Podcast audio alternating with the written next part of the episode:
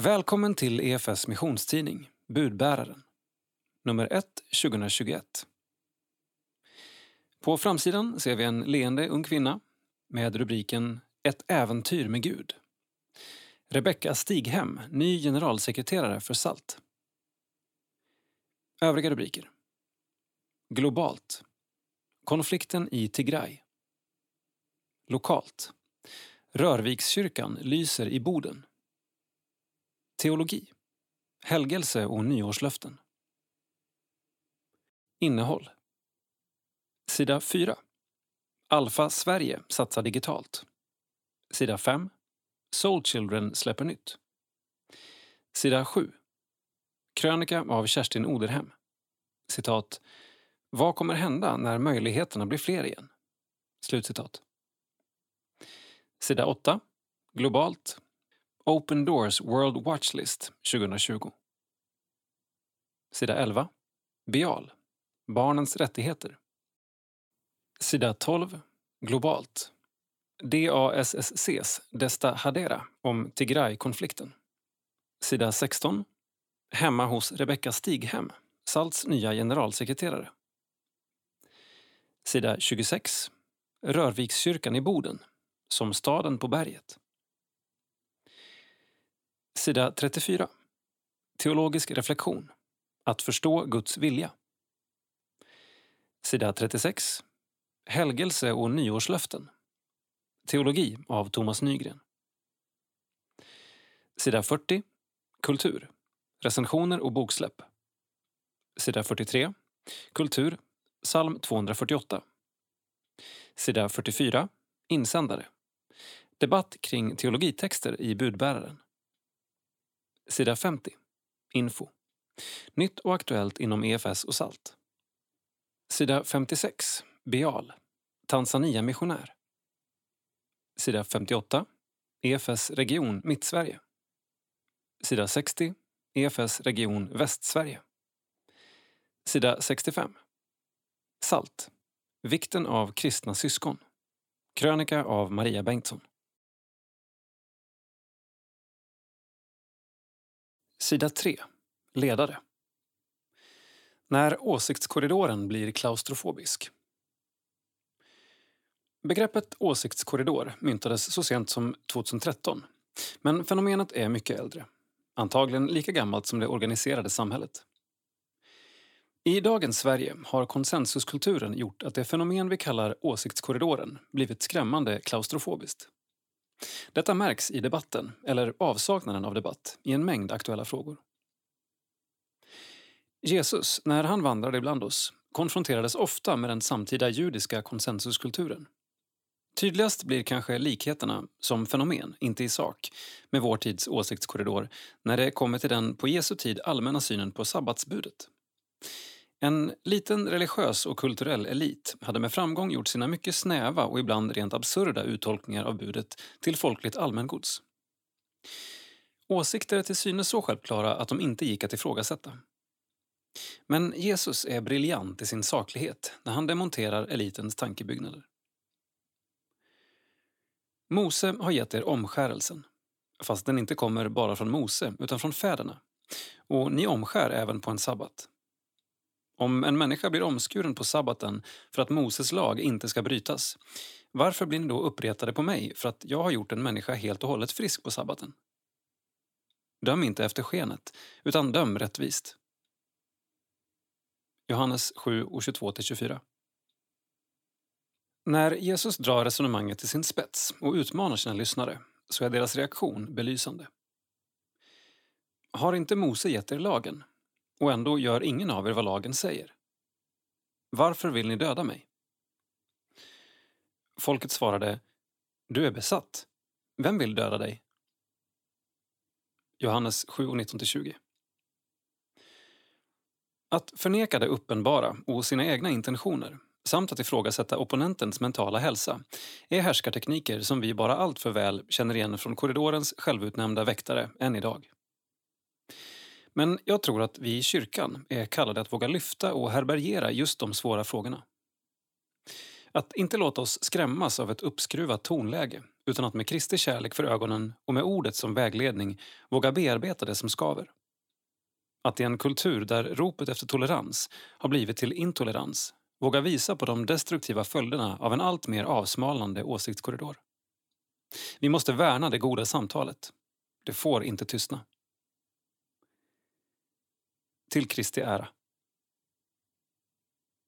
Johan Eriksson, chefredaktör och ansvarig utgivare.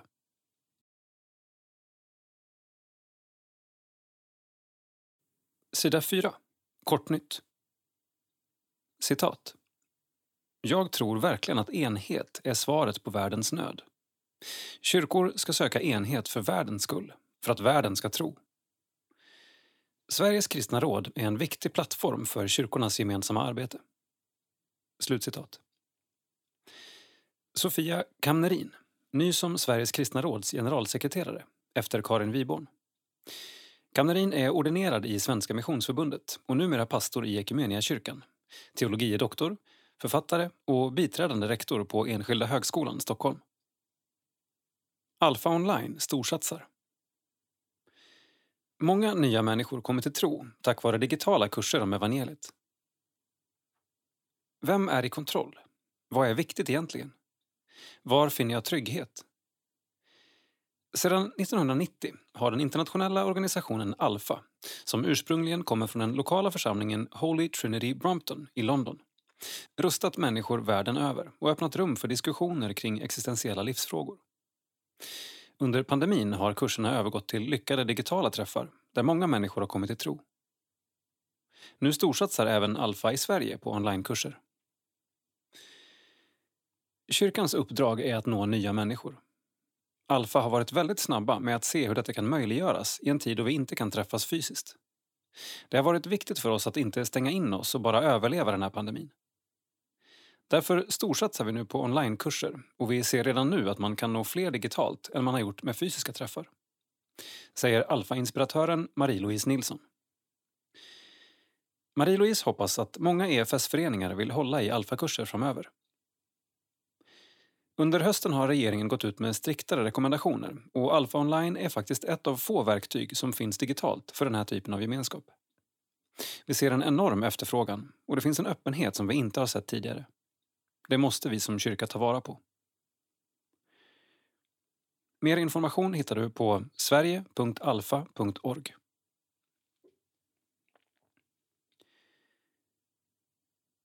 Var inte rädd, jag är med dig. Ängslas inte, jag är din Gud.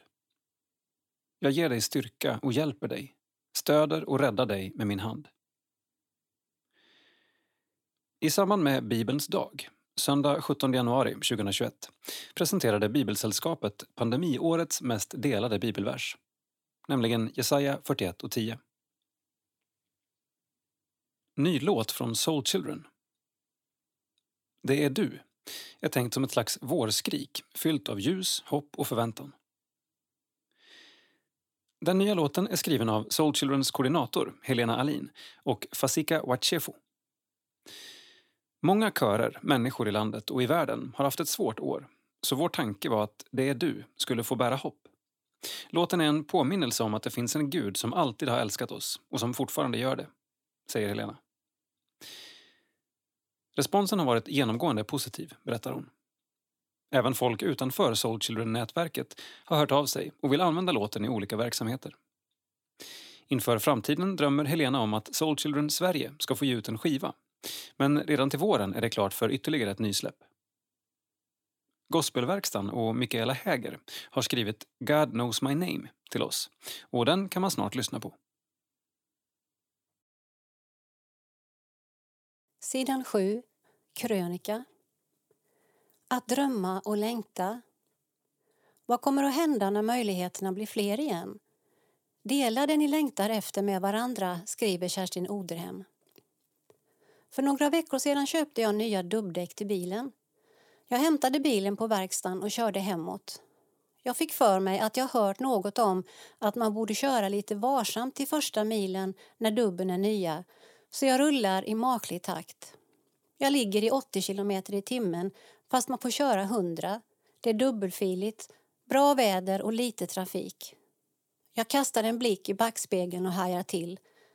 En karavan med bilar ligger bakom mig. Jag försöker räkna. Är det fem, tio eller femton bilar? Och jag frågar mig, vad gör de där? Varför kör de inte om? Minuterna går och alla kör bakom mig som om de också hade nya dubbdäck. Plötsligt kör en bil om och strax kommer flera men en bil ligger kvar bakom mig i nästan fyra mil. Nu när vaccinationen kommit igång i Sverige ser vi kanske slutet på pandemin. Någonstans lite längre fram ska vi få leva på ett annat sätt än vi gör nu. Idag har vi i våra föreningar begränsningar att hålla oss till. Det är som om hela Sverige tuffar i ledet med hastigheten 80. Men vad kommer hända när möjligheterna blir fler och när vi får vara 50, 300 eller så många vi vill? Jag tänker att vi kommer, om ni förstår mig rätt, byta hastighet som föreningar i olika skeden. Någon förening kanske känner det som om den varit på service, fått nya däck och behöver rulla lite långsamt medan andra har kapacitet att köra om och lägga i en ny växel. Jag har funderat på om inte en viss ängslighet har präglat året, av naturliga skäl. Men ibland en ängslighet som mer handlat om vad andra ska tänka och tycka än att utnyttja de möjligheter vi haft som kyrka i olika skeden under pandemin. Den ängsligheten kommer vi behöva lägga av oss och istället se framåt. Redan nu under våren, när ni i er förening börjar titta mot sommar och höst är inte frågan hur ska andra göra utan frågan är vad kan vi göra? I vilket skick är vår förening? Vilka steg behöver vi ta? Och vilka människor kan vi möta? Det jag vill säga är alltså, ligg inte kvar i 80 om du har en bil som kan gå i 100. Jag skulle vilja uppmuntra er att redan nu börja drömma och längta. När ni gör det, vad är det ni ser då? Dela det ni längtar efter med varandra. Prata om möjligheter och var möjliggörare för varandra. Själv drömmer jag också förstås. Jag vill fira gudstjänst och jag längtar efter att sjunga lovsång. Jag längtar efter samtalen som kanske börjar med frågan Vad har hänt i dig och med dig under det senaste året?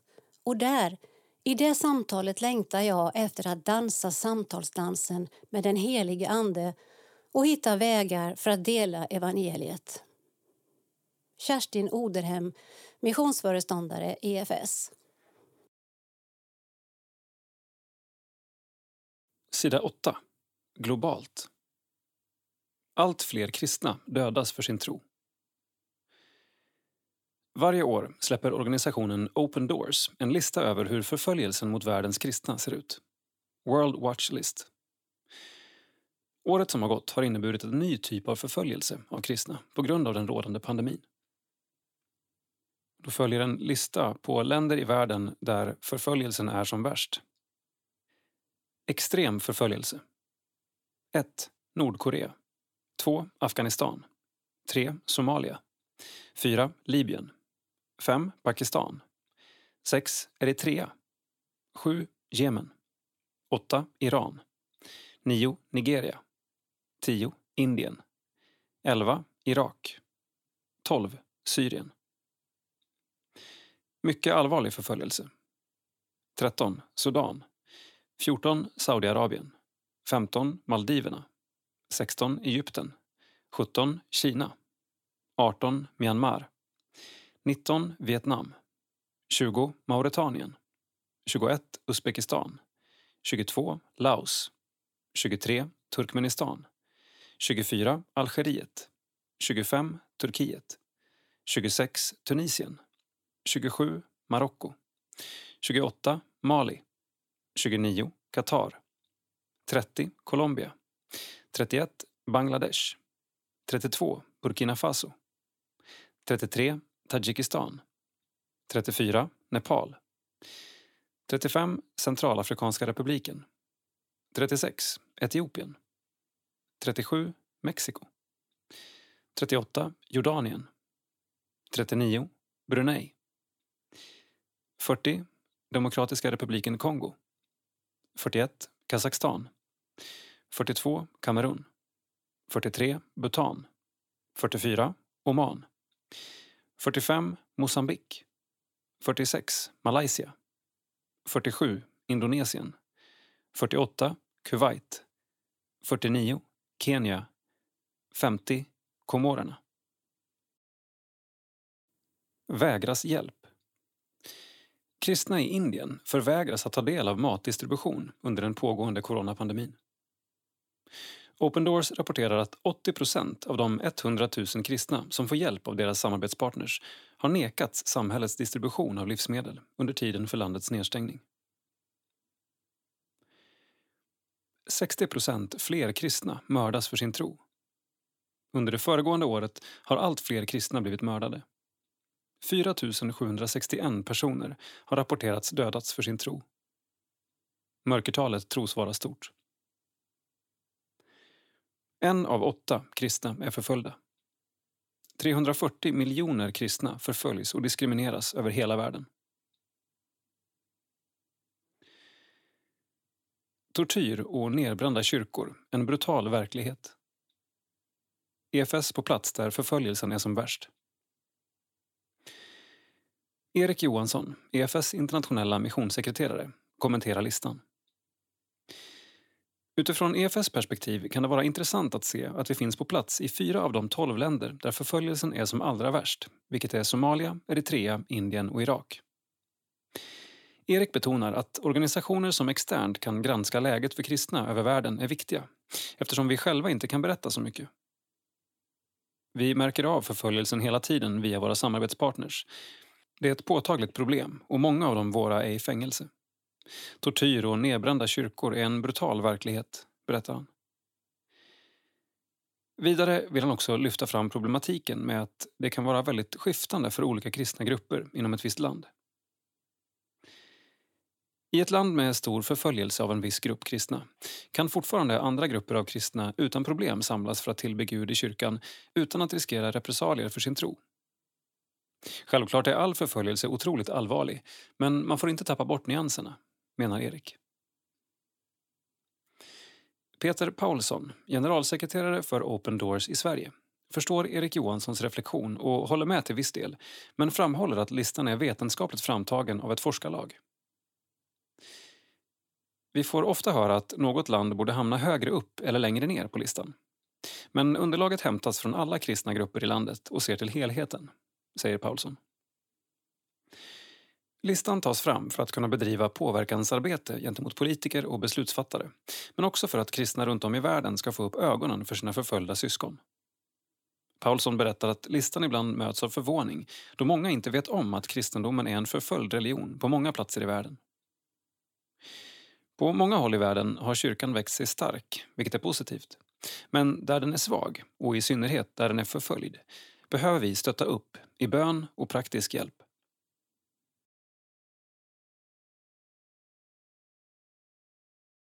Sida 11. Beal. Alla barn har rätt till liv. I utvecklingsländerna är cirka en fjärdedel av alla barn undernärda och i många länder saknas tillgång till sjukvård på landsbygden. Oavsett hur barns tillvaro ser ut har de rätt att överleva och utvecklas socialt, fysiskt, mentalt och andligt. Det vill Barn i alla länder, Bial, kämpa för. Detta gör Bial genom EFS samarbetspartners. Stärker söndagsskolan och barnperspektivet i kyrkans verksamhet genom Bials missionär Nora Sandahl i Tanzania. Bidrar till hälso och sjukvård för barn i Tanzania genom Bialmissionärerna Marita Hasselberg och Nora Sandahl. Ger skollunch och tillgång till mobil klinik till barn på somaliska landsbygden genom organisationen Varsan ger stöd till kyrkans barn och skolhem i Chapur, Indien. Ger barn och unga med hörselskador i Eritrea en möjlighet till skolgång och inkludering i samhället. Sänder utvecklande program för unga i Mellanöstern och Nordafrika genom kristna tv-stationen Sat7. Ge en gåva som förändrar liv. Bankgiro 900-9903 märkt Bial. Swish 123 421 68 91. Sida 12. Globalt. 4,6 miljoner människor i behov av hjälp. Svält, plundring och förstörelse av verksamheter. Tigray står inför stora utmaningar i spåren av kriget. Text Dagmawit Alemayehu. Tigray-konflikten har lugnat ner sig efter det månadslånga kriget mellan rebellgruppen Det tigreanska folkets befrielserörelse, TPLF, och den etiopiska federala regeringen. Nu väntar ett intensivt arbete till följd av de stora konsekvenserna. Budbäraren har pratat med Desta Hadera som arbetar för Mekaniesus biståndsorgan DASSC i Tigray.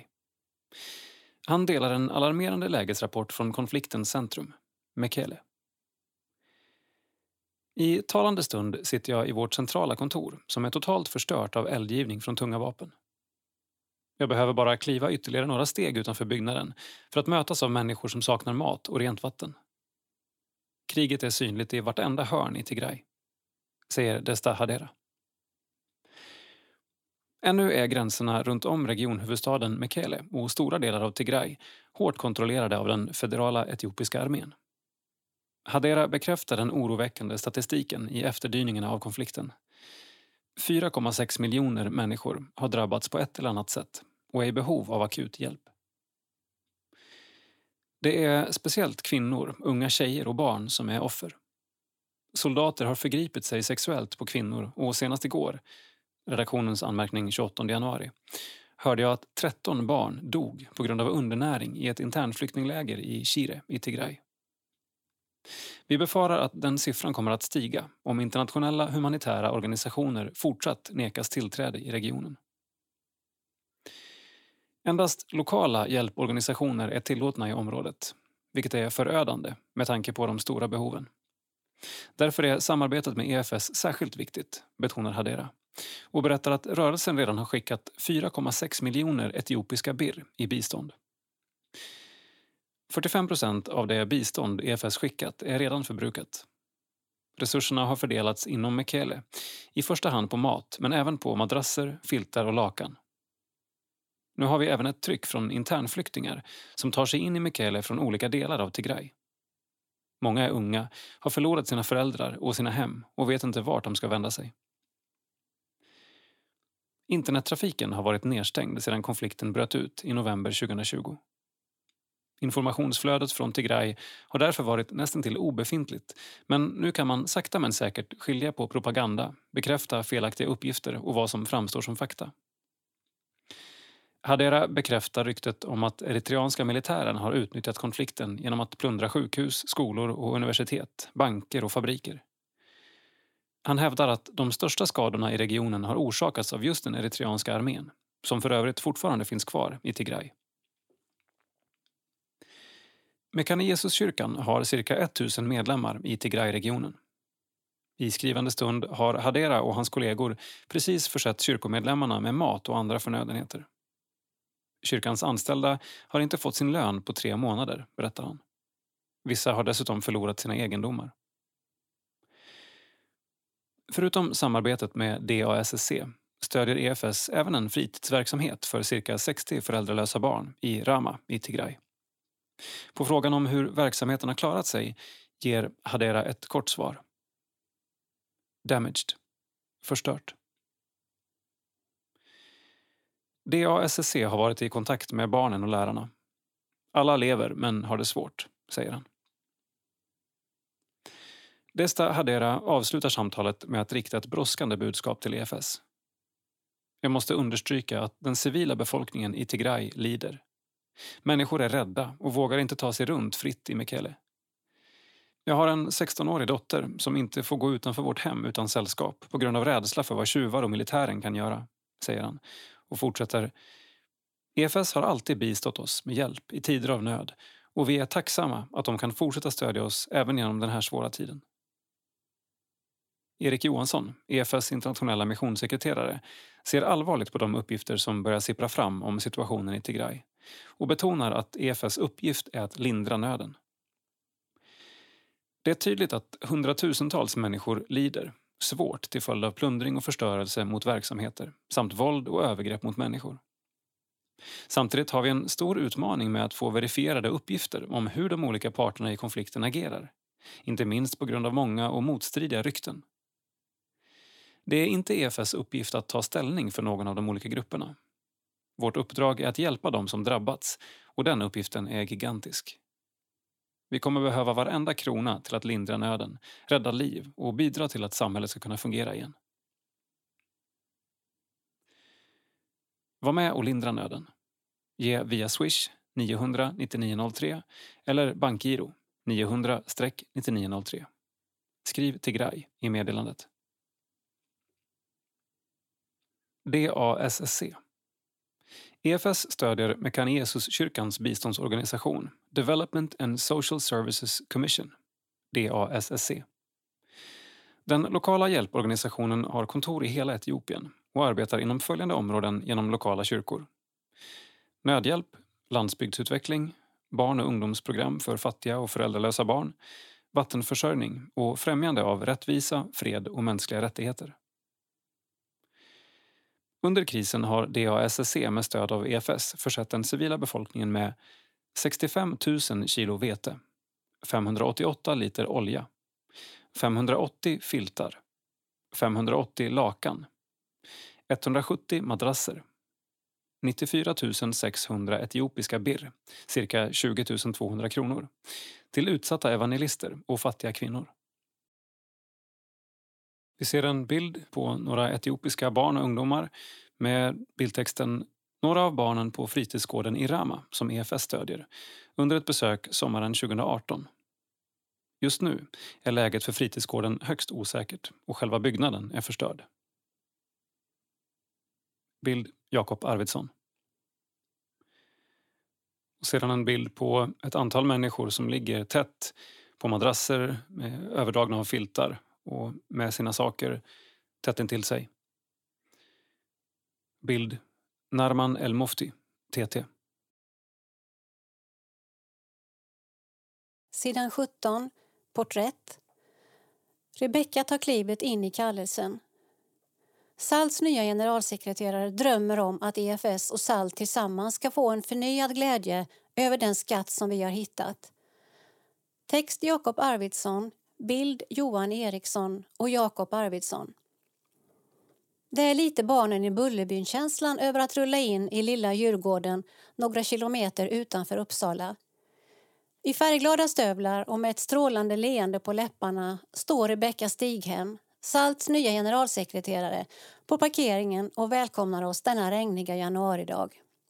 Hela den här platsen är som ett enda stort bönesvar, säger Rebecka samtidigt som hon visar vägen till det lilla gårdshuset som hon och hennes man Jesper hyr. Paret Stighem gifte sig för ett och ett halvt år sedan och delade då en gemensam längtan över att testa på något annat än tryggheten i Lund. Vi kände för att zooma ut lite från vardagen och funderade på vad vi ville göra tillsammans och vad Gud skulle lägga på våra hjärtan, säger Rebecka. Ett första steg, som ett slags smekmånad fast i form av en hel termin, blev att resa iväg till Tanzania där de fick vara praktikanter hos prästen Karl-Erik Salberg känd för sina många böcker och sitt mångåriga arbete som direktor i Sankta Clara kyrka och hans fru Overa. De driver bland annat en yrkesskola i entreprenörskap som vi fick undervisa på. Det var helt fantastiskt och samtidigt en jätteutmaning men jag växte så mycket jag tror inte att jag hade suttit här idag som generalsekreterare för SALT om det inte vore för tiden i Tanzania.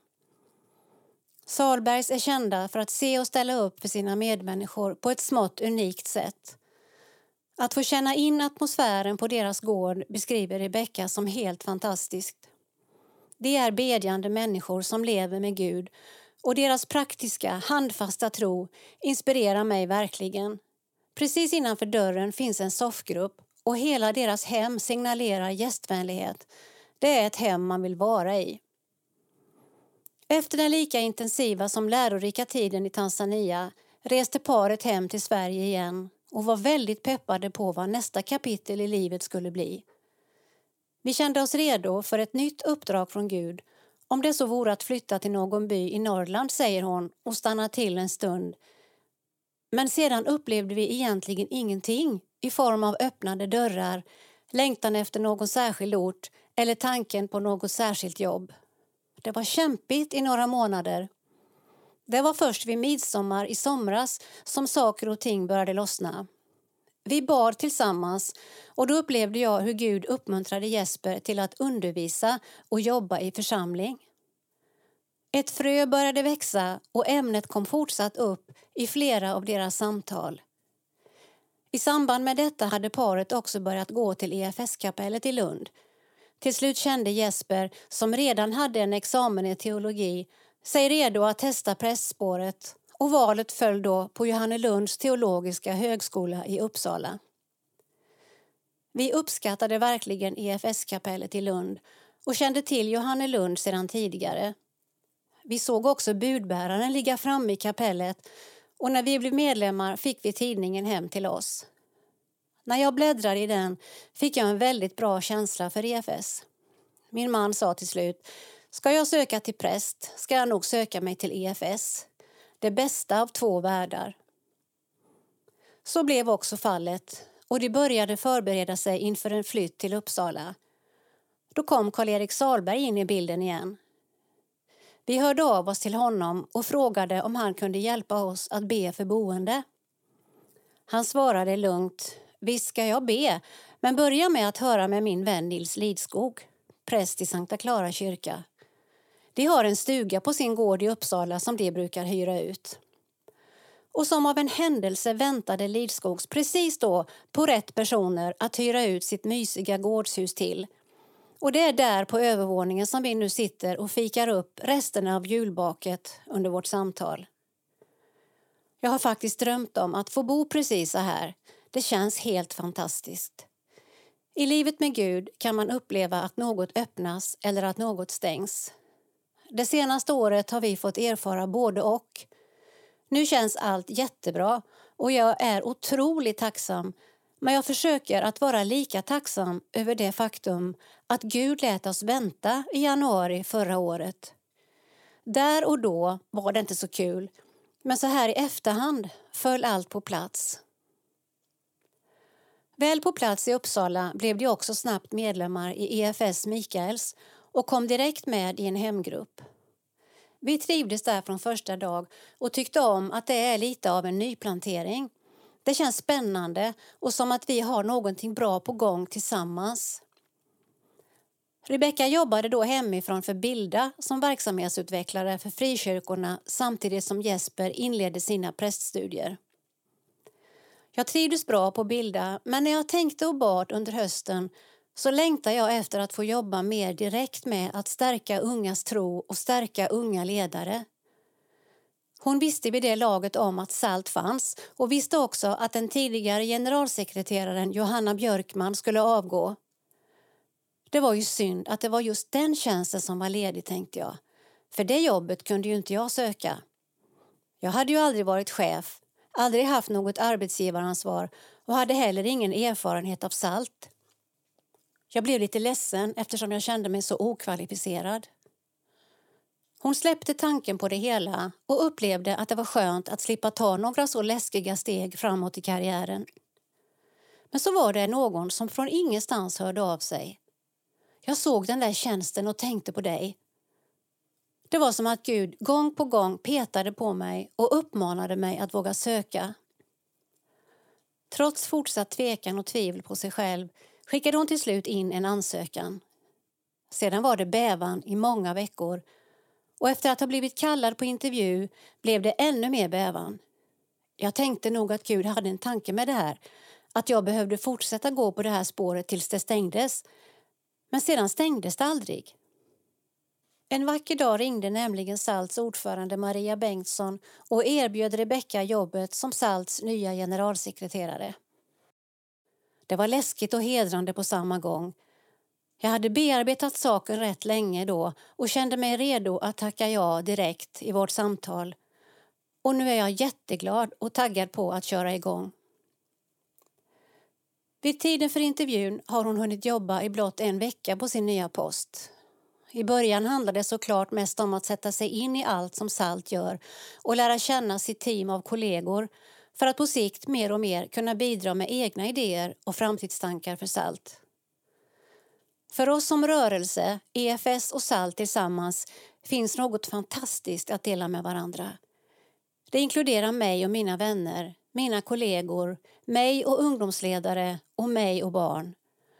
Och om jag ska kunna dela hoppets budskap med någon som är ung idag så är den första frågan Vad är mitt eget hopp? Är det något som låter snyggt som går att sälja in? Eller är det något som verkligen håller? Hon fortsätter. Jag tror verkligen att livet med Gud håller och jag längtar efter att vi alla som tror ska få upptäcka mer av vilken skatt vi har och att vi ärligt ska kunna få dela vår tro och värdera den skatt vi hittat i åken. Sin egna tro har hon haft med sig sedan barndomen i Sävsjö, en del av det så kallade bibelbältet i Småland. Tack vare mina föräldrar har kyrkan alltid varit en del av mig. Så länge jag kan minnas har jag bett, sjungit kristna sånger, läst Bibeln, åkt på konferenser och läger min familj har också flyttat runt lite och bedrivit pionjärarbete i bland annat Trelleborg. Pappa var pastor i den lilla församlingen och körde även buss för att få ekonomin att gå runt. Jag ser mycket upp till mina föräldrar för att de vågade göra en sådan flytt till det okända. Det har lärt mig att man inte alltid behöver veta i förväg hur allting ska bli. Även om kyrkan och Gud alltid funnits där finns det ett särskilt tillfälle där hon tackade ja till Jesus. Det var på mitt första scoutläger när jag var tio år. Där sa jag till en vuxen att jag ville vara frälst. Det kändes som ett stort beslut för jag var ju så liten. Men när jag kom hem igen och pratade med pappa om saken bemyndigade han mig och sa om du är säker på din tro nu, varför skulle du inte vara det om några år? Att kristna läger kan spela stor roll för ungdomar är något som Rebecka, liksom så många andra, kan vittna om. Det är faktiskt svårt att sätta ord på hur mycket det har betytt. I mina tonår betydde jämnåriga kristna vänner och kristna förebilder nästan allt. Så här i efterhand är det inte namnet på lägret eller vilken lovsång vi sjöng som spelar roll utan det är relationerna och förebilderna mina scoutledare till exempel. Att de var förebilder för mig berodde inte på hur trendiga eller coola de var utan på att de delade sin tro. De var enkla, vanliga människor som hade en tro och kunde dela den. Jag tror inte att de själva förstod hur mycket värt det var för oss. När vårt samtal går mot sitt slut slår det mig att det finns en barnsång numera som lyder Skatten på äventyr med Gud. Den textfrasen stämmer även in på min känsla om Rebecka och hennes man att de är på en pågående upptäcktsfärd tillsammans med Gud där kapitlet om livet i Uppsala bara har börjat. Vi människor vill ofta vara så ansvarsfulla, duktiga och ha koll på läget. Men jag tycker att Bibeln uppmanar oss att våga släppa kontrollen. Att lita på Gud är inte oansvarigt det är snarare det mest ansvarsfulla vi kan göra. Att förstå vem som är Gud och vem som har kontroll, säger hon och fortsätter. Den som längtar och vill upptäcka livet med Gud kan få göra det. Det ser jag som löften i Bibeln. Den som söker kommer finna och den som vill kan få ta emot trons kraft. Det är också min önskan för EFS och SALT att vi, var och en, skulle få en förnyad glädje och värdera den skatt som vi har hittat. Rebecka Stighem, ålder 29 år, bor Uppsala, familj, maken Jesper, föräldrar och två syskon i Jönköpingsområdet. Läser just nu Lottaböckerna, en ungdomsserie utgiven av B. Wahlströms förlag på 60-talet drömmer om att ständigt få höra människor utbrista i Wow, jag visste inte att Gud var så här god. Rebeckas favoritbibelord, Romarbrevet 8 och 15. Salts vision Salts vision är att barn och ungdomar ska få lära känna, komma till tro på och följa Jesus Kristus. Varför namnet Salt? Ni är jordens salt. Men om saltet mister sin kraft, hur ska man då få det salt igen? säger Jesus i Matteus evangeliets femte kapitel. Salt som organisation vill vara salt och ljus i kyrkan och i samhället. De vill också utrusta våra medlemmar att vara det i sin vardag. Därav namnet SALT, barn och unga i EFS.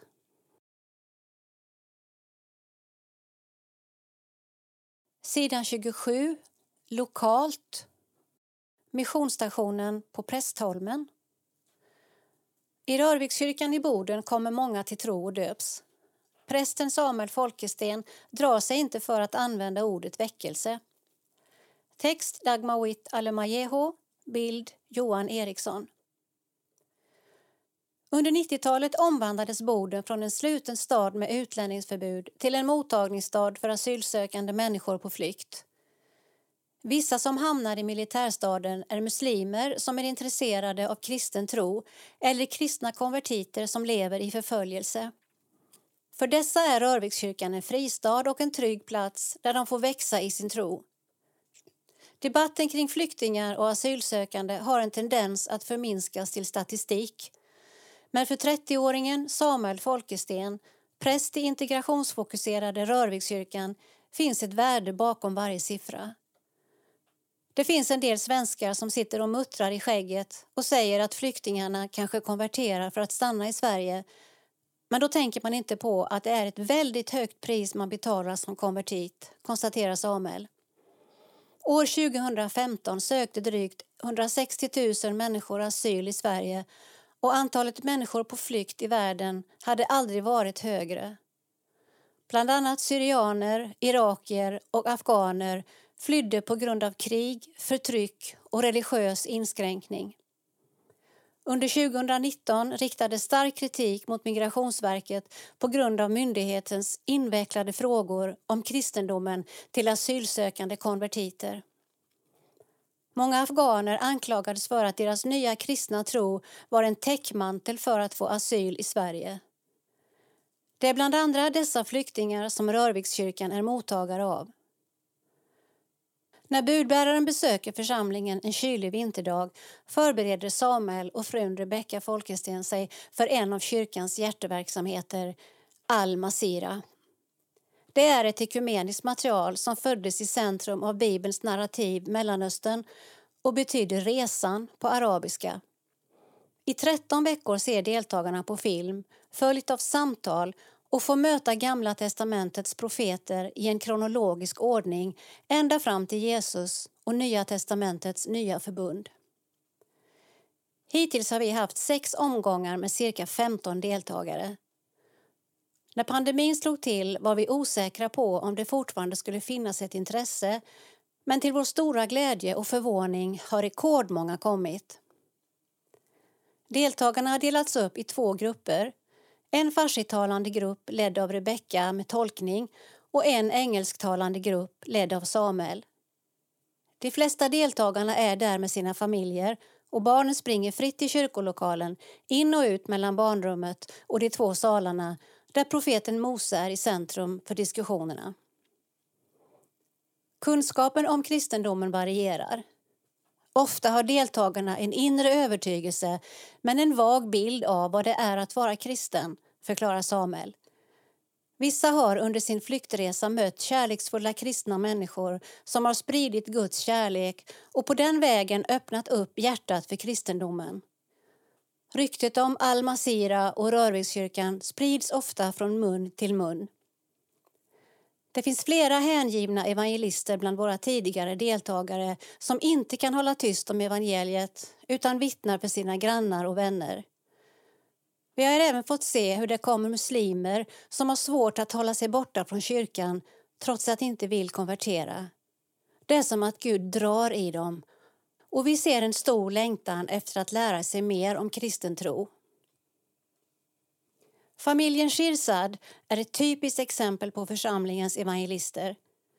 Paret Hussein och Lina Shirzad vill ivrigt dela sina vittnesbörd efter dagens cirka två timmars långa Al Masira-pass. När jag var 20 år drömde jag om Jesus hemma i Afghanistan. Jag drömde att han hade långt vitt hår och ögon som lyste. Sedan dess har jag tänkt på Gud och funderat på vem han egentligen är, berättar Hussein samtidigt som barnen plingar på ett piano i bakgrunden. Det var inte förrän flera år senare som han förstod att det faktiskt var Jesus som han drömde om. Efter att öppet ha bekänt sig som ateist och varit kritisk mot den dominerande religionen och regimen i Afghanistan tvingades Hussein att fly och hamnade i Sverige 2016.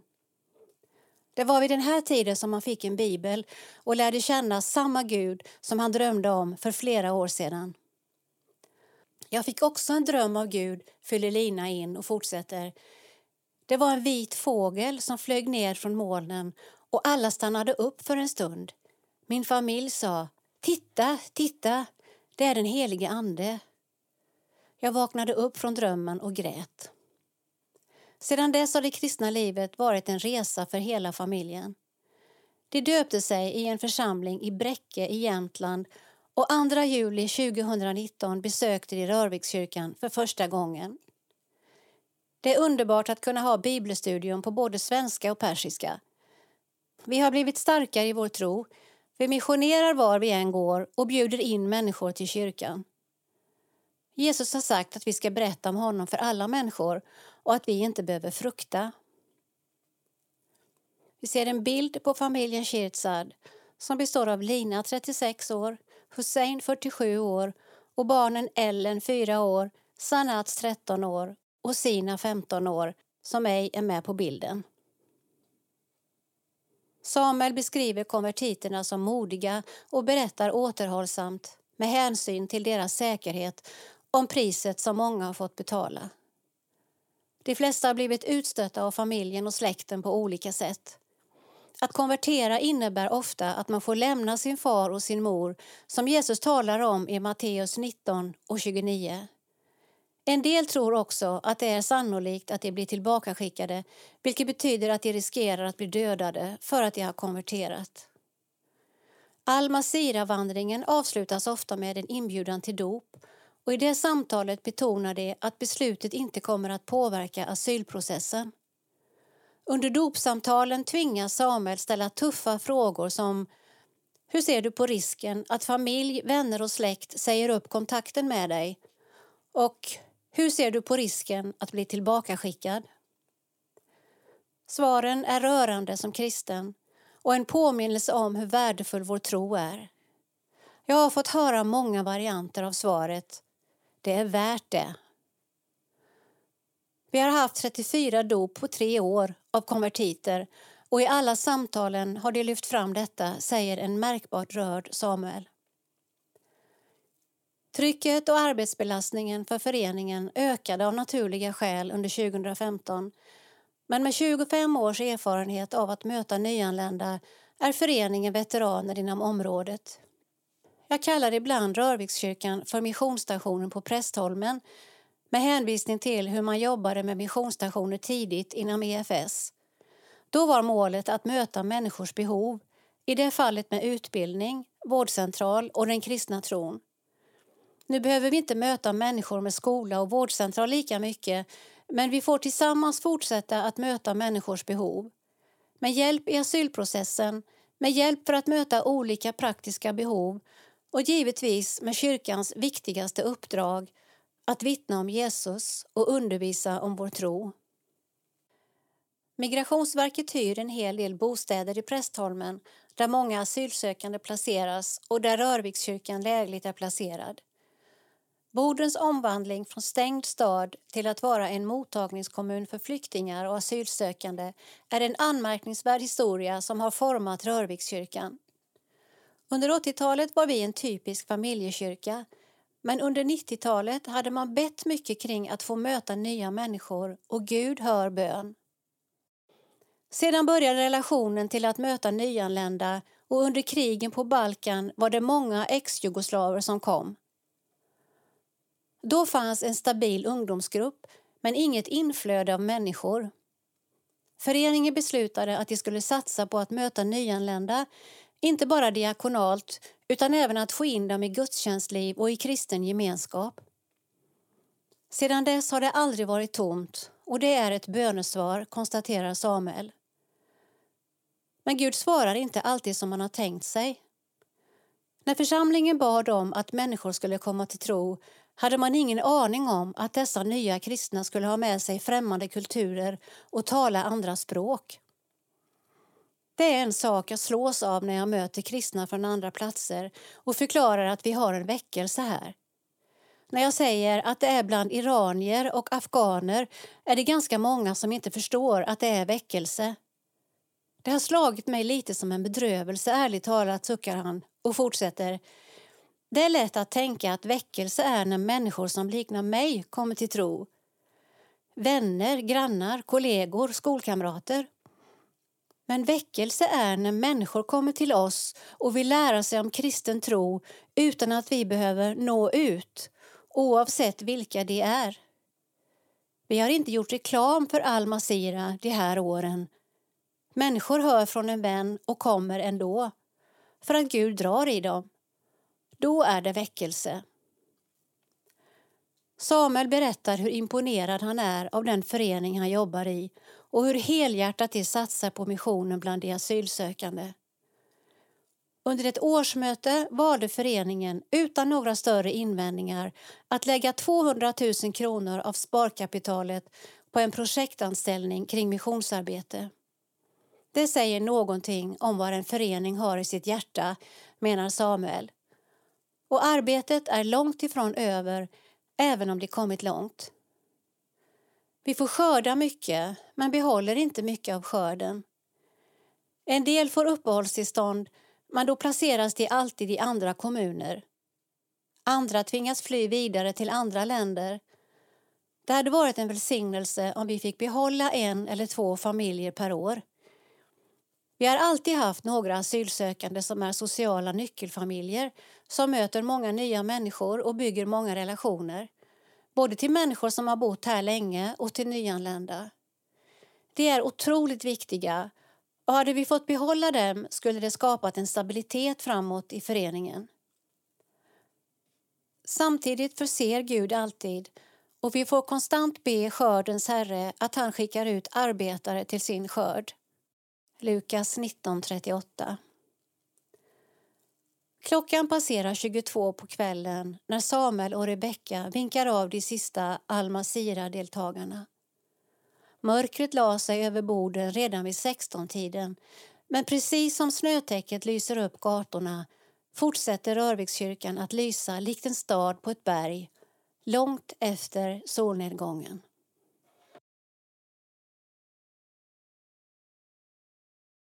Sida 34. Teologisk reflektion. Hur vet jag vad Gud vill att jag ska göra? Allt det som inte hjälper och bygger upp min gudslikhet får jag avfärda. Allt sådant som stöder och stärker gudslikheten kan jag omfamna. Skriver Kristoffer Abrahamsson. Text Kristoffer Abrahamsson. Illustration Benjamin Kruse. Guds vilja för våra liv lyder kortfattat att vi ska bli heliga. Precis som Petrus skriver, lev ett alltigenom heligt liv, liksom han som har kallat er är helig. 1 Petrus 1 och 15. Kallelsen är densamma, att bli lik Jesus, men vägen dit ser olika ut. Vad vi gör formar oss och våra gärningar påverkar vilka vi blir. Men när vi söker Guds vilja för våra liv får vi inte stirra oss blinda på enskilda uppgifter för Gud utan måste se livet ur ett större perspektiv. Det är uppenbart att det finns sådant som är ont och som är emot Guds vilja. Allt det som skadar oss själva, våra medmänniskor, djuren och naturen.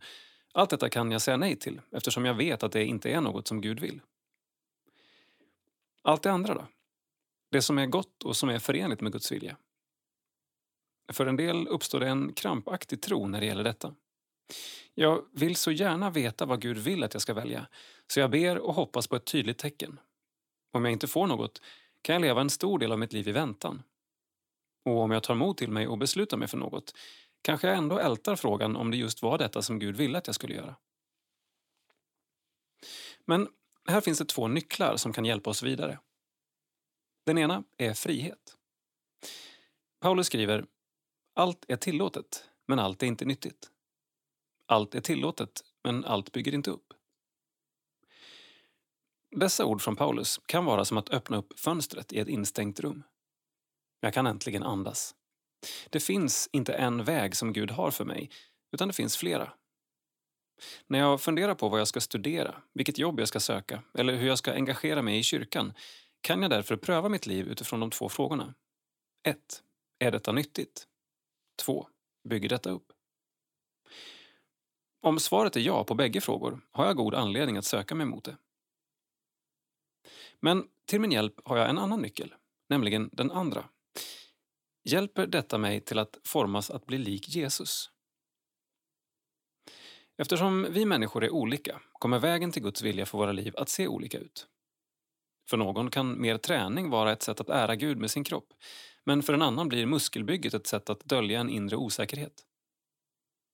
Fler exempel skulle kunna ges, men vi märker att det som är gott för en kan vara skadligt för en annan. Allt det som inte hjälper och bygger upp min gudslikhet får jag avfärda. Allt sådant som stöder och stärker gudslikheten kan jag omfamna. När jag funderar på ett beslut jag står inför kan jag därför behöva ställa fler frågor till mig själv. Gärna i samspråk med en god vän eller erfaren själavårdare. Vem formar detta mig till att bli? Hur påverkar detta min syn på Gud, mig själv, mina medmänniskor och allt annat skapat?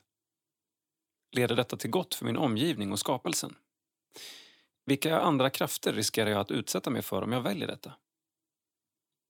För att ta ett exempel. Om jag väljer att arbeta på ett företag, vilket inte i sig är ett problem för Gud, men hamnar på en arbetsplats där jag är tvingad att haka på en kultur som hyllar det starka, kanske jag ska söka mig mot ett annat jobb. Ett annat. Om jag är en kristen ledare, vilket inte behöver vara ett problem för Gud, men märker att mina böner handlar mer om att folk ska berömma mig än att jag ska samtala med Gud. Kanske jag borde ta en paus eller avsluta det uppdrag jag fått. Ett tredje. Om jag som butiksbiträde, vilket Gud är okej med, upptäcker att jag där har möjlighet att visa omsorg om de kunder jag möter. Kanske jag, trots erbjudande om att byta tjänst, kan välja att vara kvar där jag är. Om jag i ett ärligt samtal med Gud i bönen reflekterar över dessa frågor kan jag upptäcka om det andra ser som en god gärning eller ett hedervärt uppdrag faktiskt leder mig bort från Gud. Eller om den för mig närmare Gud. Jag kan också upptäcka att något jag först känner olust inför eller en del avråder mig från i själva verket gör mig mer Kristuslik. Jag blir därmed fri.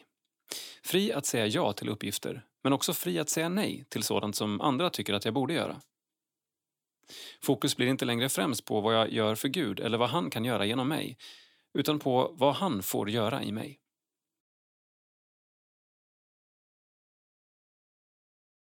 Sida 36. Teologi. Hur blir jag en bättre människa?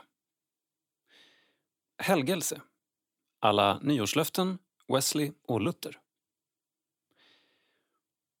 Helgelsen byggs med samma material som frälsningen. Det är evangelium om vad Jesus gjort som förändrar våra hjärtan. Det är detta som föder goda gärningar som våra medmänniskor behöver, skriver Thomas Nygren. Text Thomas Nygren. Illustration Benjamin Kruse. Kan jag bli en godare människa? Vi har många olika sätt att hantera denna typ av frågor som är viktiga för de flesta av oss. En svensk undersökning från 2020 av vilka nyårslöften människor gav visar att de i stort sett uteslutande handlade om att ur någon aspekt bli bättre som människa. Sköta sig själv bättre, allra vanligast, eller bry sig mer om andra. Undersökningen visade även att det var si och så med förmågan att uppfylla nyårslöftena. Maximalt en tredjedel av löftena lyckades de tillfrågade hålla något sånär. Men det är självklart inte bara genom nyårslöften vi hanterar denna typ av frågor. Självhjälpslitteratur, artiklar med goda råd, kurser och coacher som utvecklar oss har alla sin kundkrets. Sanningen att säga finns det en hel del förbättringspotential hos var och en av oss. I kristen tro brottas vi med denna typ av frågor under rubriken helgelse, eller kristenlivets växt. De svar som getts av olika kristna riktningar är väldigt olika, både till karaktär och innehåll. Särskilt debatten om hur långt en människas helgelse kan nå under jordelivet har stundtals varit intensiv. Hur nära syndfrihet kan en kristen komma? Klassisk är den kritik som John Wesley, en av grundarna av metodismen, riktade mot Luther och dennes sätt att beskriva hur helgelsen gick till.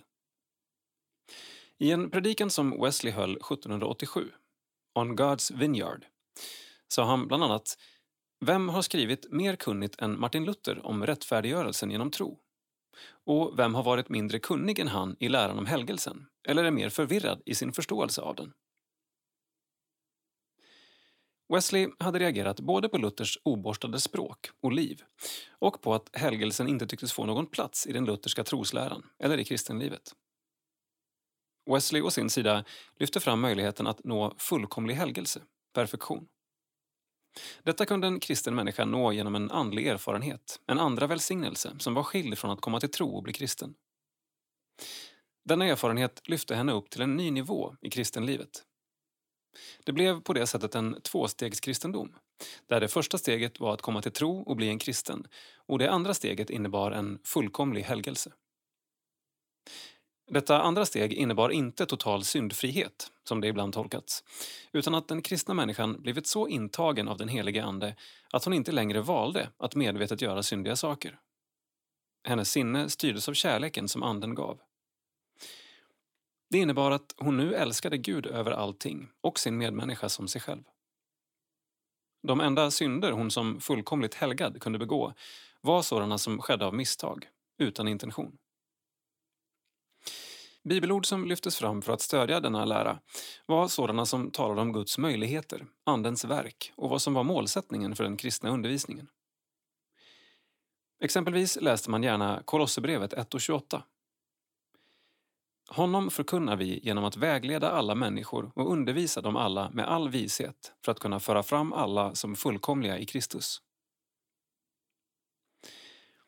Hos Wesley i den metodistiska väckelsen och i dess efterföljd i olika helgelserörelser finns en stark betoning av Guds möjligheter. Ur en aspekt kan vår tids trosrörelse, framgångsteologi, ses som en variant på denna optimism kring Guds möjligheter. Det är bara det att nu har man tagit ut denna fullkomliga helgelse även på kroppens område. Med en rätt syn på Guds möjligheter, rätt tro, behöver jag inte vara bunden av sjukdomar. Tanken på fullkomlig helgelse är både vacker, lockande och i viss mån biblisk. Frågan är bara hur bibliskt det är att påstå att en kristen kan komma ända fram under sitt jordeliv. Den kritik som riktats mot helgelseteologier av denna typ är tvåfaldig. 1. Den praktiska erfarenheten. Det går inte att hitta kristna som lyckats nå detta tillstånd av permanent syndfrihet. En fara tycks istället vara att kristna ledare som inte menar sig längre ha problem med köttet släpper sin vaksamhet och därmed i praktiken löper större risk än andra att hamna i de mest märkliga syndafall. Högmod går före fall. Synder har dessutom en tendens att kunna gå under radarn. David skriver i Psaltaren 19.13 Vem känner sina fel? Fria mig från synder jag inte vet om. 2 det samlade bibliska vittnesbördet. Förutom de bibelställen som talar om Andens verk och Guds vilja och slutmålet för de kristnas helgelse finns även många bibelord som talar om hur vi fortfarande lever kvar i en värld där vi kämpar med världen, djävulen och köttet. Gudsupproret inom oss. Fullkomningen hör den fullkomliga himmelska världen till. Vi lever i tro utan att se, som det står i Andra Korintierbrevet 5 och 7. Johannes skriver i sitt första brev.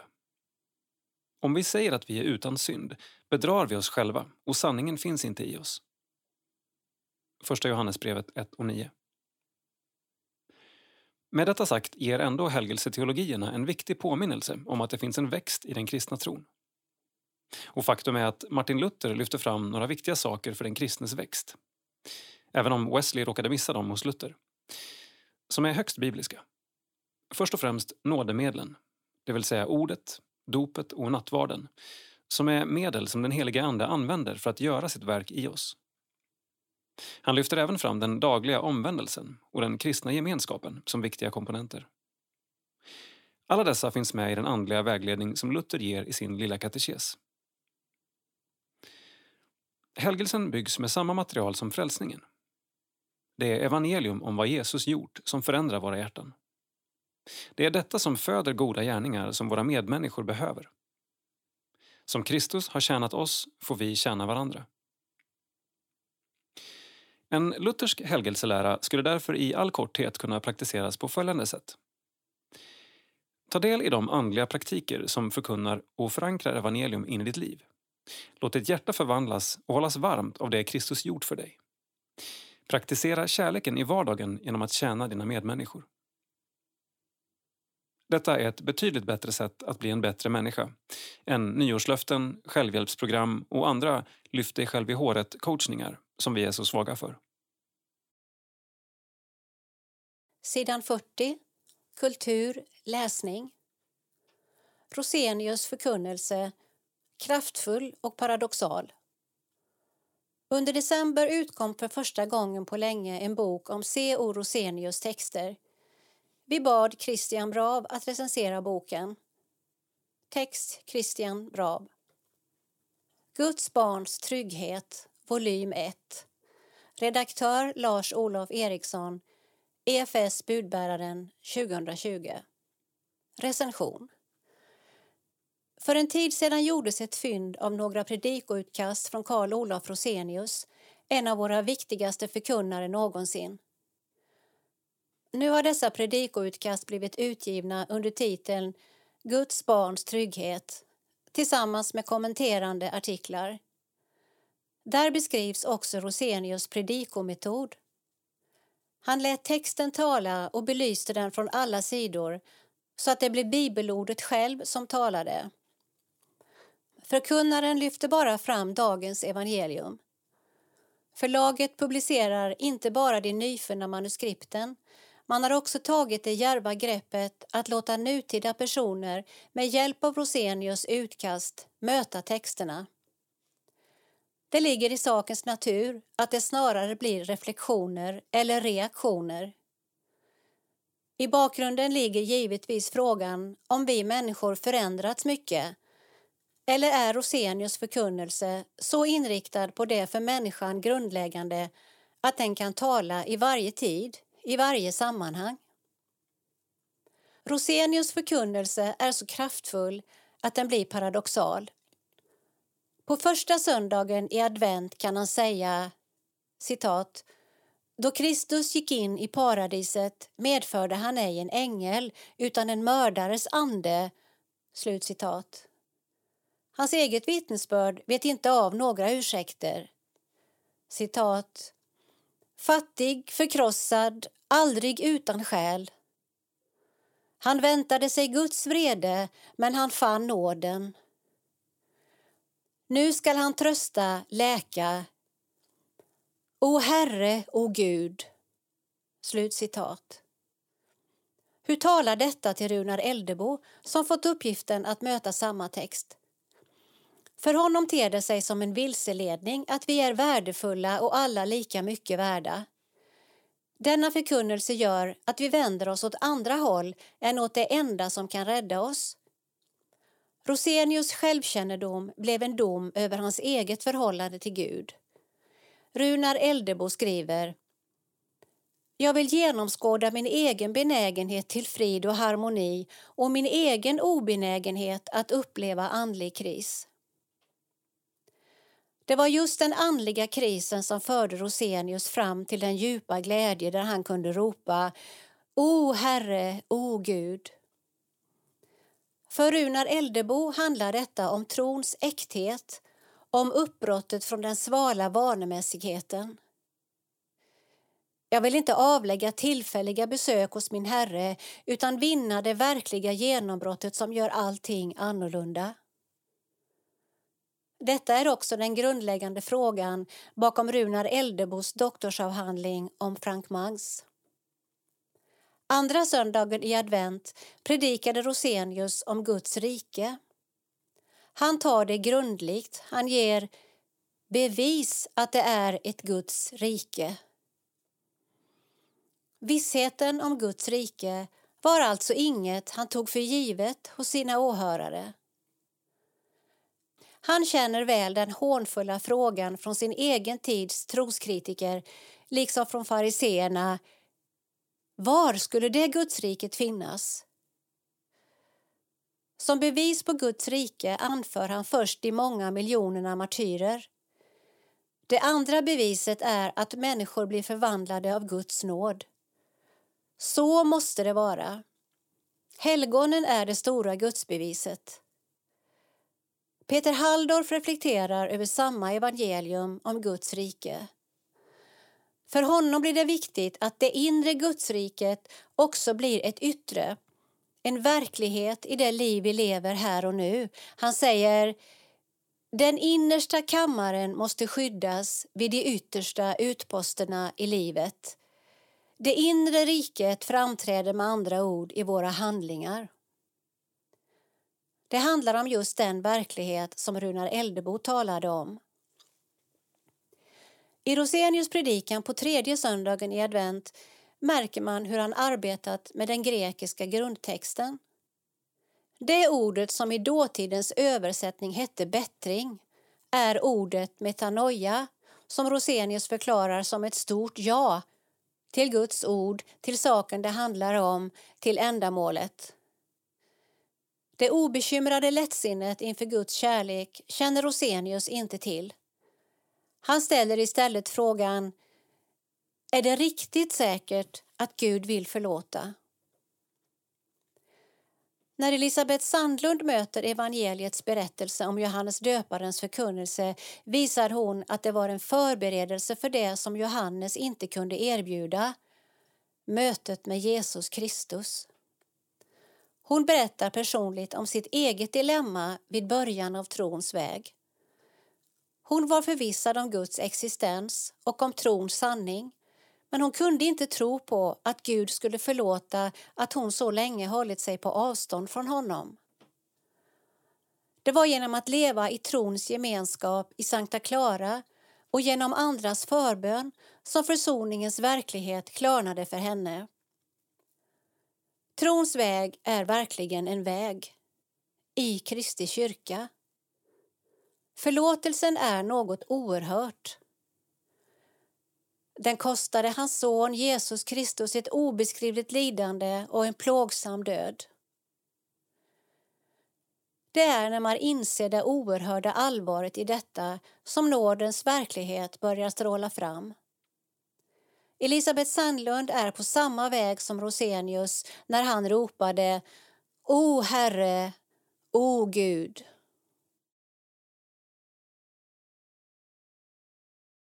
Folkmord, flyktingar och fortlevnad. Svante Lundgren med flera. Artos 2020. Recension. Boken handlar om två parallella skeenden under första världskriget. Det ena är folkmordet på armenier och andra kristna i det Osmanska riket. Ett folkmord som fortfarande förnekas av arvtagarna till detta rike det andra är tre kvinnliga missionärers heroiska insatser före, under och efter detta folkmord. Alma Johansson från Sverige, Bodil Björn från Norge och Maria Jakobsen från Danmark hade alla tre anknytning till kvinnliga missionsarbetare, KMA, och arbetade många år som missionärer bland armenierna. Det som ges här är bilden av ett av vår tids mest fasaväckande folkmord. Det som också ges är skildringen av tre kvinnors hängivna och imponerande insats i en tid som var ytterst krävande. De bevittnade folkmordet samtidigt som de vittnade om sin tro på Herren Jesus. Biografierna blir sedan vittnesbörd för oss om kallelse, lydnad och uthållighet. Lars-Olof Eriksson. Vi planterar nya församlingar. 12 berättelser från hela Sverige. Redaktörer Jonas Melin, Peter Svanberg och Julia Wellstam. Evangelie 2020. Recension. Vi planterar nya församlingar är en fascinerande läsning fylld av vittnesbörd från Sverige. Boken är ett viktigt inslag bland den kristna litteraturen. Något jag fascineras av är att man tagit in en bredd av författare i olika åldrar, män såväl som kvinnor. Det ekumeniska nätverket Vidare, som ligger bakom boken, har enats kring följande mål. Citat. Vi vill hjälpa varandra så att våra församlingar senast 2025 planterar fler församlingar än vad som läggs ner. Slutcitat. I en tid då kyrkan tappar folk kan många känna sympati för detta mål, så även jag. Här finns att lära även för den som inte är med i en plantering. Något jag fastnar för och som är genomgående är att boken andas längtan. En längtan efter ett kristet liv som gör skillnad. Att få se människor komma till tro på Jesus. Boken kan här väcka en god längtan. Dock kan jag sakna en teologisk stringens i de olika presentationerna. Frågor väcks i mig. Vad innebär det att starta en ny församling enligt Nya testamentet och vad kan vi lära av kyrkohistorien? Är till exempel husförsamlingar framtiden eller finns det skäl att slå vakt om den organiserade kyrkan? Jag slås av att det karismatiska livet och lovsången tycks vara centralt i många av presentationerna. Vilken plats får då Bibeln och predikan? Boken är läsvärd men väcker olika frågor. Kanske gott bara det. Daniel Kjellander Sidan 43 Kultur Psalm Svenska psalmboken 248 Tryggare kan ingen vara. Tryggare kan ingen vara än Guds lilla barnaskara. Stjärnan ej på himlafästet, fågeln ej i kända nästet. Herren sina trogna vårdar ut i Sions helga gårdar.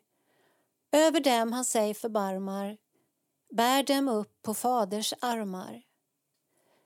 Ingen nöd och ingen lycka skall ut ur hans hand dem rycka. Han, vår vän, för andra vänner sina barns bekymmer känner.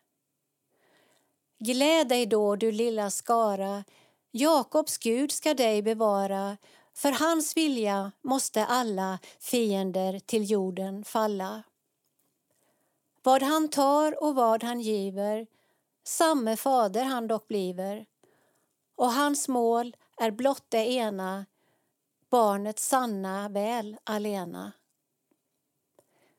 Lina Sandell är unik i vår psalmhistoria. Hon skrev och översatte närmare 2000 andliga sånger. Ingen annan svensk har nått upp till hälften. Och framför allt har hon skrivit de mest älskade psalmerna. Det är lite roligt att den nystartade budbäraren år 1857 troligen var den första tidning som publicerade några av hennes sånger. Lina blev sedan också en trogen medarbetare i EFS. Som barn trivdes den sjukliga Lina med att läsa och skriva. Hon satt hellre i pappas arbetsrum än vistades bland pigorna i köket. Hennes begåvning för poesi märktes tidigt i vacker naturlyrik. Sin första kända psalm började hon skriva redan i övre tonåren. Det var Tryggare kan ingen vara Svenska psalmboken 248. Enligt sägnen författad i den stora asken, vårdträdet på prästgårdstomten i Fröderyd som fortfarande står kvar. Det är intressant hur sånger kan utvecklas. I den första versionen i dagboken har den tre verser och börjar Tryggare kan ingen vara än de trognas lilla skara. 1855 ger hon anonymt ut sin första diktsamling. Då hade hon ändrat till de kristnas lilla skara. Nu har den fem verser. På 1870-talet togs den med i sångboken Lovsånger och andeliga visor som teckningsläraren och diktaren Fredrik Engelke gav ut. Han hade ändrat i texten på några ställen bland annat till Guds lilla barnaskara och la även till fem egna verser. En av dem börjar Se, han räknar håren alla som från deras huvud falla. Han bytte också till den folkmelodi vi numera sjunger. Lina tyckte om formuleringen Guds lilla barnaskara så när hon senare gav ut sina samlade sånger i tre band fick den lyda så. Men de fem verserna av Engelke tog hon inte med. Därmed fick Tryggare kan mera av barnkaraktär och det är säkert en anledning till att den blivit en så älskad dopsalm. Trots att en del av orden som Sions helga gårdar kan vara svåra att förstå talar den så starkt om tryggheten under Guds beskydd och om en kärleksfull himmelsk far som vill vårt allra bästa. Torbjörn Arvidsson Sida 44. Insändare. Förra numrets teologiartiklar väckte en del reaktioner. Vi väljer här att publicera två insändare med svar direkt från skribenterna. Jesus är gudinutiismens främste företrädare. I en teologisk artikel i Budbäraren nummer 10 2020 skriver Thomas Nygren om utmaningen det han kallar gudinutiismen utgör. Nygren mejslar fram en för mig fullständigt obegriplig, helt onödig och teologiskt omotiverad motsättning mellan människans inre gudserfarenhet och de yttre korrektiven som Guds ord, sakramenten, bekännelserna och den kyrkliga gemenskapen utgör. Nygrens val av exemplifierande representanter för gudinutismen Johan av Leidens projekt i Münster 1534 och som kontrast Menno Simons och hans efterföljare vittnar om medveten vilja till svartmålning av hela döparrörelsen, baptismen, från 1520-talet och framåt. Kyrkohistoriker som professor Gunnar Westin, docent Torsten Bergsten och Carl Kilsmo skulle nog haft en del att säga om detta urval, om de nu varit i livet. Nya förbundet. När profeten Jeremia profeterar om det nya förbund Gud ska sluta med sitt folk säger han jag ska lägga min lag i deras bröst och skriva den i deras hjärtan. De ska inte längre behöva undervisa varandra och säga lär känna Herren, ty de ska alla känna mig, från den minste till den störste, säger Herren. Jeremia 31 och 33 34. Uppenbar gud-inutism, eller hur? Hebreerbrevet 8 och 10 11 konfirmerar att det är så det nya förbundet fungerar. Gudskunskapen är förlagd inuti människan inte i yttre bekännelser och ritualer. Det nya förbundets öppnande nyckel är inkarnationen. Ordet blev människa och bodde ibland oss. Johannes 1 och 14. Ordet blev inte till en trosbekännelse eller till Concordieboken. När Jesus avskedstalar till sina lärjungar säger han 1. Jag ska be Fadern och han ska ge er en annan hjälpare som ska vara hos er för alltid, sanningens ande. 2. Ni känner den, det vill säga sanningens ande, eftersom den är kvar hos er och kommer att vara i er. 3. Hjälparen, den heliga anden, som Fadern ska sända i mitt namn, han ska lära er allt och påminna er om allt som jag har sagt er. Johannes kapitel 14, vers 16-17 och vers 26. Jesus proklamerar alltså utan tvekan gud-inutism då han säger att den heliga anden, sanningens ande, den tredje personen i gudomen, ska bo i er, mina lärjungar. Strax före sin himmelsfärd säger Jesus till lärjungarna Ni ska få kraft när den heliga anden kommer över er och ni ska vittna om mig. Ända till jordens yttersta gräns. Apostlagärningarna 1.8. Så blev det. Kort tid efter det att den heliga anden fyllt lärjungarna, flyttat in i dem, berättas det att Petrus i samband med middagsbönen i templet stötte på en man, lam från födseln, som tiggde en allmosa. Petrus sa till mannen, silver och guld det har jag inte, men vad jag har, det ger jag dig. I Nazaren, Jesu Kristi namn, stig upp och gå. Med ett språng var mannen på benen. Apostlagärningarna 3 och 1-8. Det Petrus hade, det hade han inte utanför sig, exempelvis i portföljen. Nej, han hade det inuti sig. Han sa inte jag ska ta fram min Tanak, judarnas bibel, och läsa ett tröstens ord från Saltaren. Nej, det var Andens kraft inom honom som fick ett utflöde. Gud inutismen firar triumfer hela apostlagärningarna igenom. Ett strålande exempel är Stefanos, den första martyren. Om honom sägs det att han var en man fylld av tro och heligande. Apostlagärningarna 6 och 5. En man som i sitt dödsögonblick, då stenarna haglade över honom, fylld av helig ande, riktade blicken mot himlen och såg Guds härlighet. Apostlagärningarna 7 och 55. Gud inifrån och eller utifrån. Visst är det så att Gud först kommer människan till mötes utifrån. Men Gud stannar inte utanför människan. Luther definierade predikan som ett rop utifrån om syndernas förlåtelse. Hur ofta hör vi idag predikningar som lever upp till den definitionen? Genom evangeliet erbjuder Gud människan sin nåd. Den förekommande nåden är säkerligen ett välkänt begrepp för budbärarens läsare. Men den förekommande nåden kräver att människan gensvarar om den ska bli till den upprättande, frälsande och pånyttfödande nåden. Gud utifrån måste alltså bli till en gudsupplevelse inuti människan. Denna upplevelse kallas i Nya testamentet för att bli född på nytt, att bli en ny skapelse i Kristus. Inte särskilt ofta för det idag så vanliga och så slätstrukna att komma till tro. Vad vi idag behöver är mer av de karismatiska gåvorna i funktion, inte mindre. Det EFS jag lärt känna präglas inte av att folk profeterar för ofta och för vidlyftigt eller av att människor som är bärare av exempelvis helbrägdagörelsens nådegåva för ofta lägger sina händer på de sjuka och helar dem. Visst, de karismatiska gåvorna kan missbrukas. Det handlar om högheliga krafter placerade i bräckliga människors liv. Allt ska prövas, säger Paulus. Men det goda ska tillvaratas med tacksägelse till Gud. Missbruk kommer alltid att ske.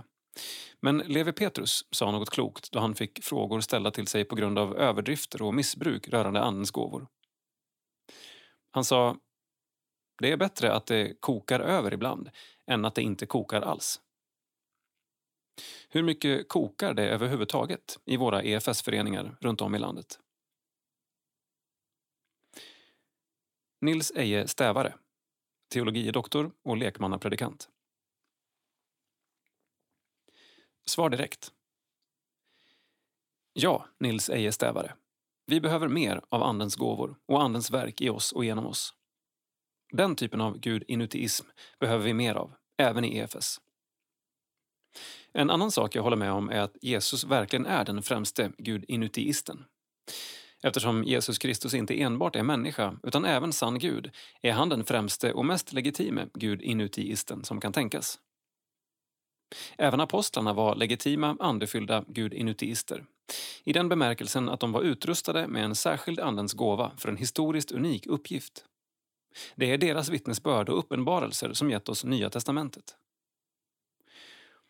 Även för oss, senare generationers kristna, finns Andens verk och gåvor tillgängliga.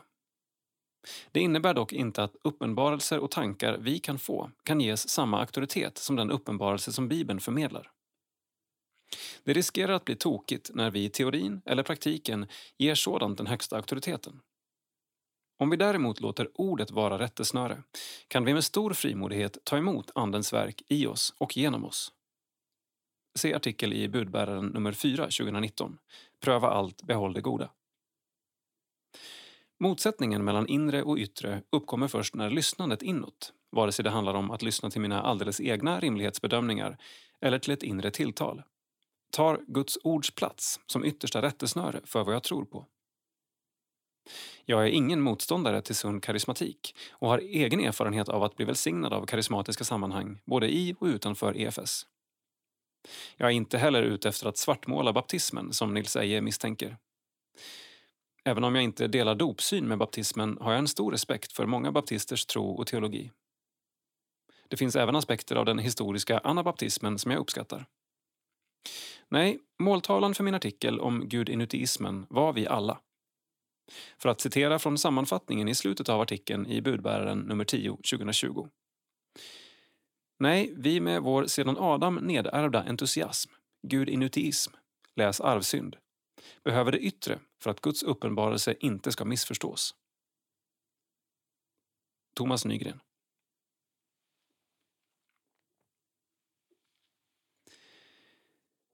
Kyrkan är inte ett varumärke, men... Jag blir provocerad av Kristoffer Abrahamssons reflektion i Budbäraren 11.12 2020. Jag försöker förstå varför. Det kan vara för att jag blir träffad, säkert med rätta. Jag löper ständig risk att dras mot ytan, det märker jag ibland. Men kan det vara för att jag tycker det träffar lite snett och inte skapar frimodighet? Väl medveten om att man i en kort artikel inte kan täcka in alla vinklar och dessutom spetsar till det för att väcka eftertanke, provocera. Jag tror att jag begriper syftet och ser behovet av det Abrahamsson skriver. Om inte den innersta drivkraften är den glädje och kärlek det glada budskapet om Jesus skapar så blir man lagisk, krävande och trött. Men ändå, förlösta av evangeliet så vill och kan vi mitt i och med vår ofullkomlighet älska, tjäna och vittna. Vi vill ju att fler ska få lära känna Jesus och leva nära honom. Då blir rätt typ av synlighet, effektivitet och mätbarhet både riktigt och viktigt. Synliga, inte för att göra vårt namn känt, men Jesu namn. Annonser för språkcafé, Alfa online, webbsända gudstjänster när det behövs. Att människor känner till att det finns kristna i deras område. Inte genom vittnesångest och påhopp, men genom hjälpsamhet, uppmuntran och kanske ett ord om Gud i rätt tid som öppnar takfönstret uppåt. Effektiva, inte för att utnyttja och köra slut på varandra, men för att använda resurserna rätt. Väl genomtänkta och utförda aktiviteter. Motsatsen till ineffektivitet, byråkrati och resursslöseri. Rimlig utvärdering så vi får ett hum om vad som blir frukten av det vi satsar på. Rätt person på rätt plats så att kraft och engagemang förlöses. Mätbara framsteg. Inte för ett ytligt framgångstänkande som ger poäng att skryta med, men återigen för att kunna värdera det vi gör och se om det har förutsättningar att leda människor till tro på Jesus Kristus. Medvetna om att Gud också arbetar i det fördolda, där vi ofta inte får se det vi längtar efter, eller längtar efter det Gud ser. Men löper vi inte också risk att i falsk luthersk ödmjukhet gömma oss bakom brist på förväntan och uteblivet resultat, eller frukt? Ibland blir vår försiktighet att veta hur det går komisk. I haven't actually caught any, but I have influenced quite a few, som fiskaren sa. Eller fruktodlaren. Det blev visserligen inte några mogna äpplen, men det var desto fler kart. Den evangelisk-lutherska definitionen av vad som kännetecknar kyrkan sammanfattas ju så här. Men kyrkan är de heligas samfund, i vilket evangelium rent förkunnas och sakramenten rätt förvaltas. Det är tre synnerligen synliga saker. De kristnas gemenskap i gudstjänsten, den offentliga förkunnelsen av evangeliet, inklusive det personliga vittnesbördet, och de förkroppsligade uttrycken för evangeliet som heter dop och nattvard. Det får aldrig ske i det fördolda, om inte i fysiska förföljelsesituationer. Nu tror jag inte att Abrahamsson blir så provocerad av mina tankar. Han skulle förhoppningsvis hålla med om att rätt synlighet, effektivitet och mätbarhet inte behöver äventyra fördolt liv, trofasthet och kärlek. Låt mig till sist citera biskop Andreas Holmberg. Nu är det hög tid att förflytta fokus till syftet, Nämligen att människor ska komma till tro på Kristus och leva i tro. En kristen gemenskap skapas och fördjupas, Guds rike utbredas och skapelsen återupprättas. Stefan Holmström Svar direkt. Jag vill tacka Stefan Holmström för hans reflektioner och responsen på det jag skrivit. Vi båda delar längtan om att Jesus Kristus ska bli känd och att fler ska vilja följa honom. Eventuellt talar vi olika dialekter och gör olika betoningar och där jag ser risker ser Stefan möjligheter. Givetvis ska vi reflektera över vad kyrkan gör och hur vi använder våra resurser. Men vad vi sätter upp för måttstock kommer också forma vad vi ser och vad vi strävar mot. Min fasta övertygelse är denna. Den kyrka som ängsligt söker omgivningens bekräftelse har svårt att fritt älska den värld vi är satt att tjäna. Den kyrka som söker sig mot Gud blir fri, modig och självutgivande i sin kärlek. Lösningen på församlingars problem är kanske inte alltid att göra mer och anstränga sig hårdare, utan att stilla sig och rikta in sig mot centrum, mot Jesus. Om vårt fokus ensidigt hamnar på vad vi ska göra och vad för resultat vi ska nå är risken stor att vi väljer metoder att göra Guds vilja som skiljer sig från vad som kännetecknar Guds väsen. När Jesus beskriver himmelriket använder han olika bilder. En bild som kanske visar min poäng är liknelsen om senapskornet. Något som är så litet att det föraktas kan växa till ett träd och bli en boplats för himmelens fåglar. Fåglar som kanske sjunger en ny sång om Guds rike för oss. En som skiljer sig från samhällets sånger om mer, större och bättre. Kristoffer Abrahamsson. Vart tog evangeliet vägen? Det är inspirerad av utmaningen i förra budbäraren som en gammal predikant skriver det här. Intresset för predikan har alltid varit stort hos mig. Nu i coronatider har möjligheten att lyssna till predikningar via nätet blivit nästan till obegränsade. Men så ofta blir behållningen mager. Varför? Jo, predikanten lämnar så gärna både dagens tema och dess texter därhän. Det känns som om predikans innehåll hade bestämts innan texterna kom in i bilden. Det gäller bara att hitta en vettig språngbräda dit man vill komma.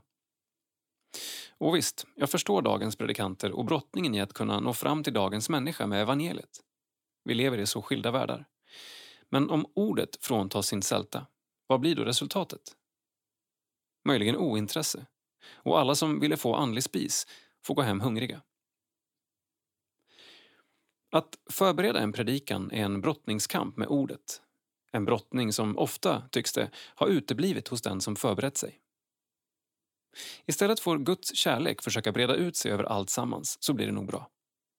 Störst av allt är kärleken, som någon sa när jag kommenterade vederbörande. Försoning är ett av de viktigaste orden i Bibeln. Gud som i Kristus försonade världen med sig själv. Andra Korinthierbrevet 5 och 19.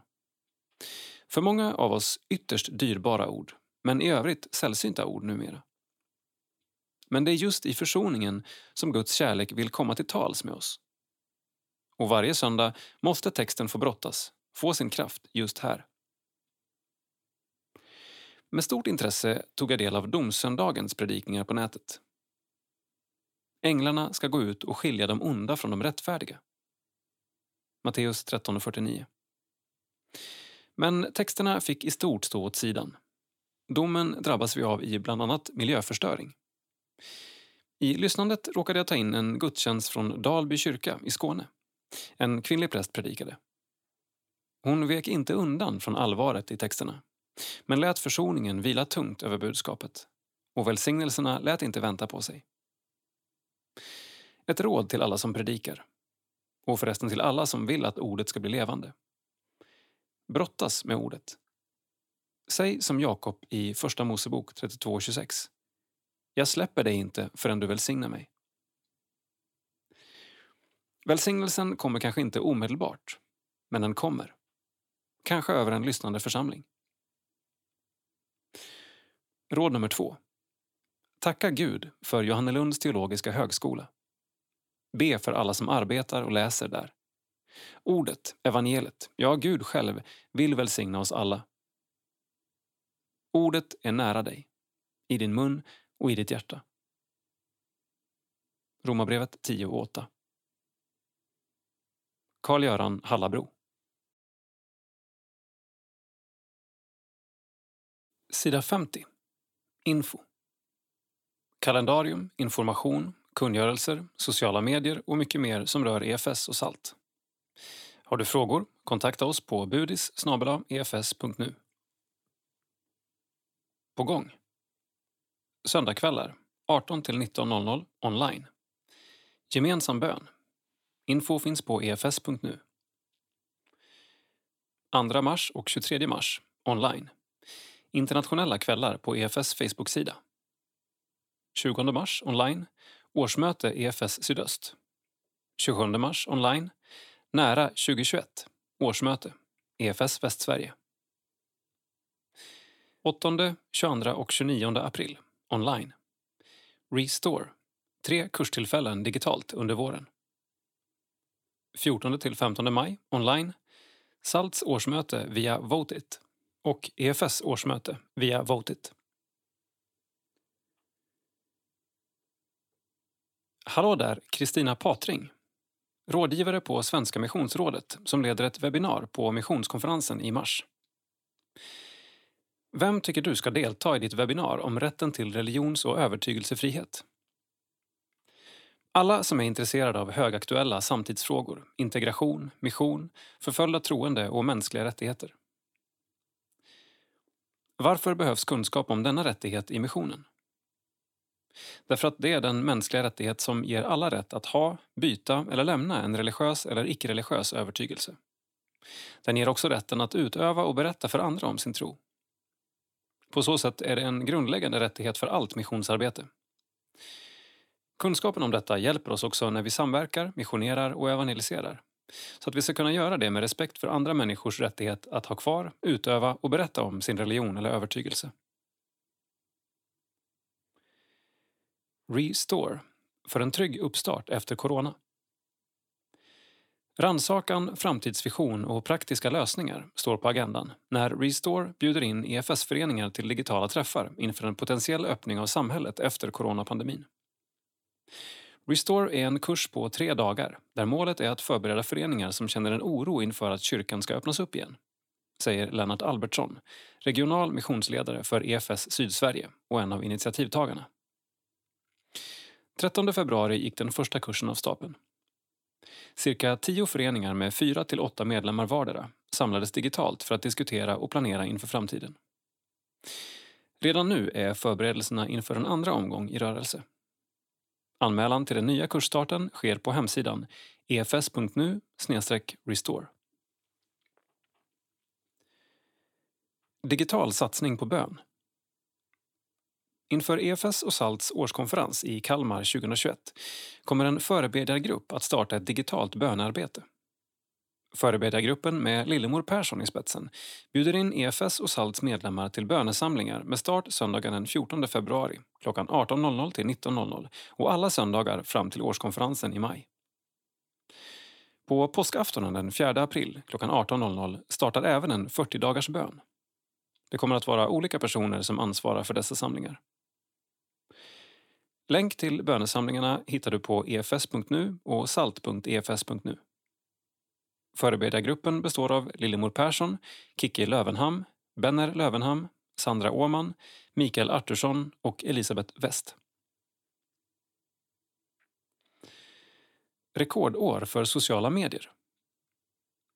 För EFS blev 2020 det mest aktiva året någonsin på webben och i sociala medier. Vi har träffat duon som står bakom mycket av arbetet. Text och bild Jakob Arvidsson. Coronapandemin tvingade fram många omställningar, så även för EFS. Bland det första som genomfördes var att införa dagliga morgonandakter klockan 10.00 på EFS Facebook-sida. Med enkla medel nådde vi ut till väldigt många med de här andakterna. Detta tack vare alla fantastiska människor runt om i landet som ställde upp för att dela hoppets budskap i en tid av oro. Säger Dan Woodrow, produktionsansvarig i EFS och fortsätter. EFS har tidigare mest fokuserat på traditionella media. Men mitt i pandemin lyckades vi väldigt snabbt ta oss an nya metoder för att på så sätt fortsätta tjäna rörelsen. Lovisa Fundell, redaktör för EFS sociala medier, kan konstatera att vi aldrig förr har nått ut till så många via digitala medier som under förra året. Främst via Facebook, EFS Play och Instagram. Det är jättekul att vi fått så många nya följare. Vi strävar efter att skapa en gemenskap och att de som följer oss ska känna att de är en del av EFS. Vi vill alltid försöka bjuda in till interaktion med de som tittar eller läser, säger hon. En höjdpunkt för Lovisa var när en kvinna skrev in sitt vittnesbörd om hur Gud hjälpt henne genom sjukdom i cancer. Jag drömmer om att vi får göra mer sådant, att dela människors vittnesbörd och få höra mer om vad Gud gör i våra medlemmars liv. Både Dan och Lovisa dök egentligen in i EFS av en slump och de är mycket tacksamma över sina första år som medarbetare. EFS är för mig en av Sveriges bäst bevarade hemligheter. Det finns guld i alla föreningar, kyrkor och sammanhang som jag hittills har besökt. Jag är stolt över EFS historia och vad rörelsen har betytt för så många människor. Det räcker med att gå in i arkivet och se 200 år av missionsarbete och alla liv som levts för evangeliet, säger Dan. Lovisa fyller i. För mig var EFS som en oupptäckt pärla och jag blir nästan upprörd över att jag haft så dålig koll. Inom EFS har jag upptäckt en teologisk klarhet, skärpa och sundhet som jag uppskattar. Det är ett ärofyllt uppdrag att få jobba här med tanke på allt som EFS gjort och gör. Duon vill tacka alla som under året varit involverade i EFS olika digitala kanaler och längtar samtidigt tills den dagen vi får ses fysiskt igen. Vi har alla fått se hur stort och viktigt digitala medier är. De är här för att stanna och vår satsning på det fortsätter. Men fysisk gemenskap är det som Gud har skapat oss för och vi alla längtar efter att få vara tillsammans igen. Förhoppningsvis kan vi snart börja resa mer och lyfta berättelserna om vad Gud gör runt om i rörelsen, säger Dan. Sida 54. Årskonferens. Spirande årskonferens. Det blir en annorlunda årskonferens i år och enligt Magnus Widholm blir den särskilt viktig med tanke på tiden vi lever i. Fjolårets årskonferens ställdes in på grund av pandemin. Nu återupptas temat Nu gör jag något nytt. Det spirar redan, märker ni det inte? Med inspiration från Jesaja 43. Och EFS tar nya krafttag för att förmedla hopp i en oviss tid. Vi bygger en årskonferens med två parallella delar. Dels årsmötet som man kan ansluta till digitalt via Votit. Dels en uppbyggelsekonferens som man kan följa både fysiskt på plats i Kalmar men också digitalt. Vi tror att det är viktigt att inte bara ta beslut, som vi gör under årsmötet, utan att vi även får mötas som rörelse och lyssna in vad Gud har för oss, säger Magnus Widholm, regional missionsledare för EFS Sydöstsverige. Konferensen, som infaller under Kristi himmelsfärdshelgen 14-16 maj, följer ett packat program med lovsång och vittnesbörd från den ekumeniska rörelsen Hope for this Nation. Panelsamtal lett av Lennart Albertsson, regional missionsledare för EFS Sydsverige. Konsert med låtskrivaren Erik Tilling. Ett stort fokus på EFS internationella arbete samt en evangelisationssatsning med torgmöten utanför domkyrkan. Här är den ekumeniska dansgruppen Move to You med och livar upp stämningen. Nu är det även klart att förra årets talare, bland andra Kerstin Oderhem, Anders Petter Sjödin, Johanna Björkman och Anahita Persan har ombokats. Temat kommer att vara synligt i de olika mötena. Varje dag inleds exempelvis med bibelstudium där James Starr undervisar. Vi känner att temat är ännu mer brännande nu när det är så tydligt att det är en ny tid. Det gäller att få syn på vad det är som spirar. Det är en fråga i bibelordet. Märker ni inte det? Det kan vara svårt att se det som är under vegetation. Vi behöver upptäcka det som är just nu. Programmet är utformat så att det finns gudstjänster som tilltalar alla generationer inom rörelsen. Från ungdomar till äldre. Lukas Mellergård, saltkoordinator i EFS Sydöst, kommer att jobba med Barnspåret som följer ett draget upplägg på plats i Kalmar. Vi hoppas att man efter konferensen ska känna att det är på riktigt att Guds rike sprids just nu och att Gud griper in i människors liv och förvandlar både människor och samhällen. Årskonferens 2021. Tema Nu gör jag något nytt. Det spirar redan. Märker ni det inte? Datum 14 till 16 maj. Var? I Kalmar och digitalt. Sida 55. Insamling. Troget givande räddade resultatet. Johan Eriksson beskriver fjolårets insamlingsresultat som ett mirakel. 2020 blev för de allra flesta av oss ett år med många utmaningar. Så och för EFS. Från missionsföreningar och lokala församlingar till vårt omfattande missionsarbete med stora humanitära åtaganden. Och inte minst för insamlingsarbetet. Som mest låg vi över 5 miljoner från det budgeterade målet. Sett till hela året så minskade gåvorna från våra föreningar med dryga miljonen jämfört med föregående år och Svenska kyrkans rikskollekt blev dryga 300 000 mot normalt över miljonen. Samtidigt ökade gåvorna från privatpersoner med hela 2,7 miljoner jämfört med tidigare. Detta gjorde att vi överträffade 2019 års gåvoresultat med nästan en miljon. Trots det nådde vi inte fram till insamlingsmålet på dryga 34 miljoner. Men testamentesgåvorna var även i fjol större än förväntat. Cirka 8 miljoner över budget. Vilket gör att insamlingsbudgeten totalt sett gick ihop med råge. Utifrån de givna förutsättningarna måste detta betraktas som ett verkligt bönesvar. Extra roligt är också rapporterna om att regioner, distrikt och föreningar rent generellt har klarat sig mycket bra, även ekonomiskt, trots hårda restriktioner som slagit hårt mot gudstjänster och övrig mötesverksamhet. För 2021 är insamlingsmålet sänkt till 31 miljoner, vilket också blir en anpassning till de rådande omständigheterna. Stort tack för alla frimodiga gåvor. Tillsammans bygger vi Guds rike. Och före går herden. Johan Eriksson, EFS insamlings och kommunikationschef. Gåvoresultat januari. EFS. Insamlat 2,1 miljoner kronor. Budget 2,1 miljoner kronor. Det preliminära insamlingsresultatet för januari är 2,1 miljoner kronor, vilket är budgeterat för perioden. Insamlat 2,1 miljoner kronor. Mål 2021 30,3 miljoner kronor. Salt. Insamlat 51 833 kronor. Mål 2021 1 miljon kronor. Så har ett nytt år kommit och med det även nya insamlingsmål. Insamlingen i januari börjar lite lågt, men vi litar också på att Herren försörjer. Allt för att barn och unga ska få lära känna, komma till tro på och följa Jesus Kristus. Är det i år du blir månadsgivare? Sida 56. Bial. Herden går före. Nu pågår EFS kampanjveckor med insamling till Bial och i fokus är barns rätt till liv och utveckling. Det borde vara en hjärtefråga för kyrkan att vara Guds fysiska hand så att barn kan se den. Som ger andlig vägledning, förser deras grundläggande behov och ger tillgång till hälsovård och utbildning. Och före går herden, barnens försvarare som vet vad vi behöver. Genom Bial får barn på landsbygden i Somalia lunch. Barn i Mellanöstern och Nordafrika nås av utvecklande tv-program just där de är. Och i Tanzania ges barn hälso och sjukvård. Material för kampanjen finns i detta nummer och på efs.nu.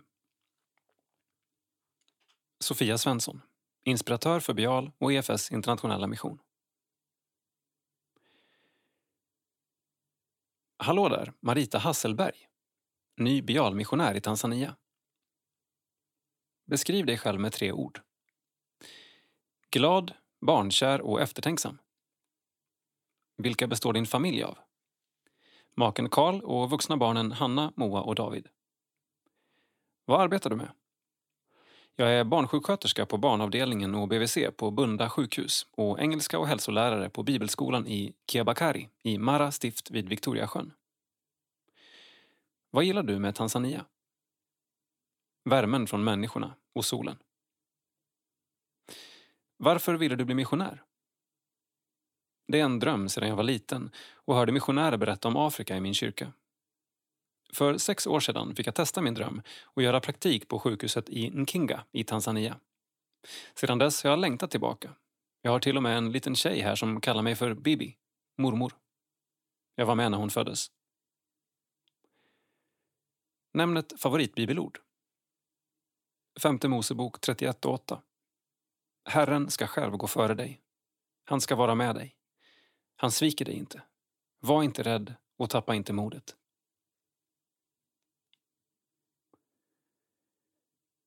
Insamlingsresultat.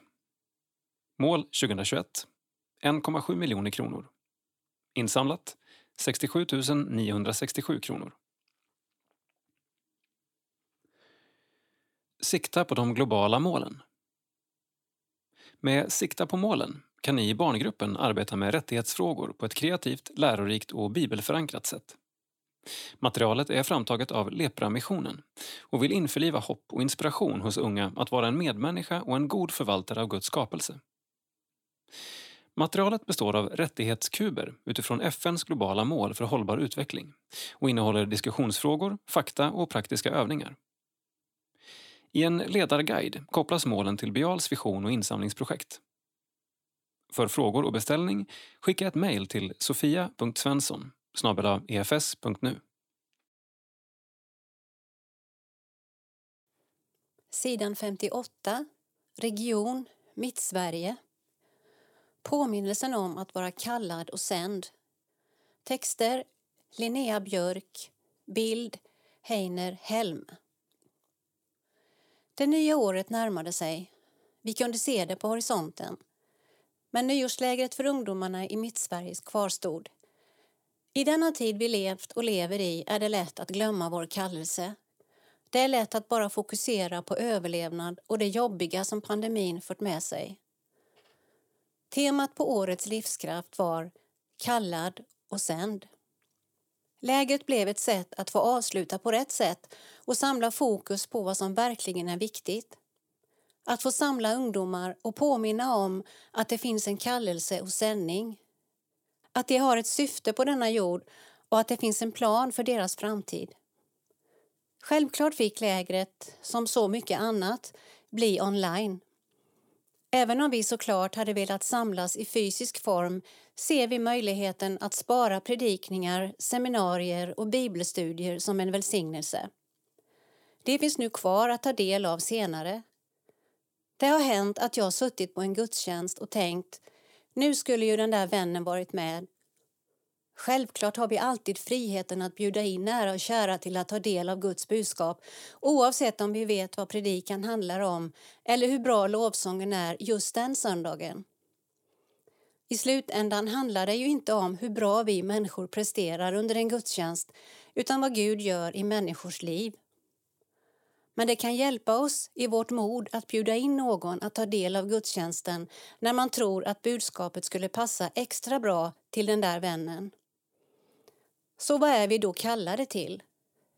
Vad var det ungdomarna hemma framför en skärm eller samlade max åtta personer runt om i kyrkor fick höra? Vill man summera alla möten kan man säga det spelar ingen roll vem du är eller vad du gjort.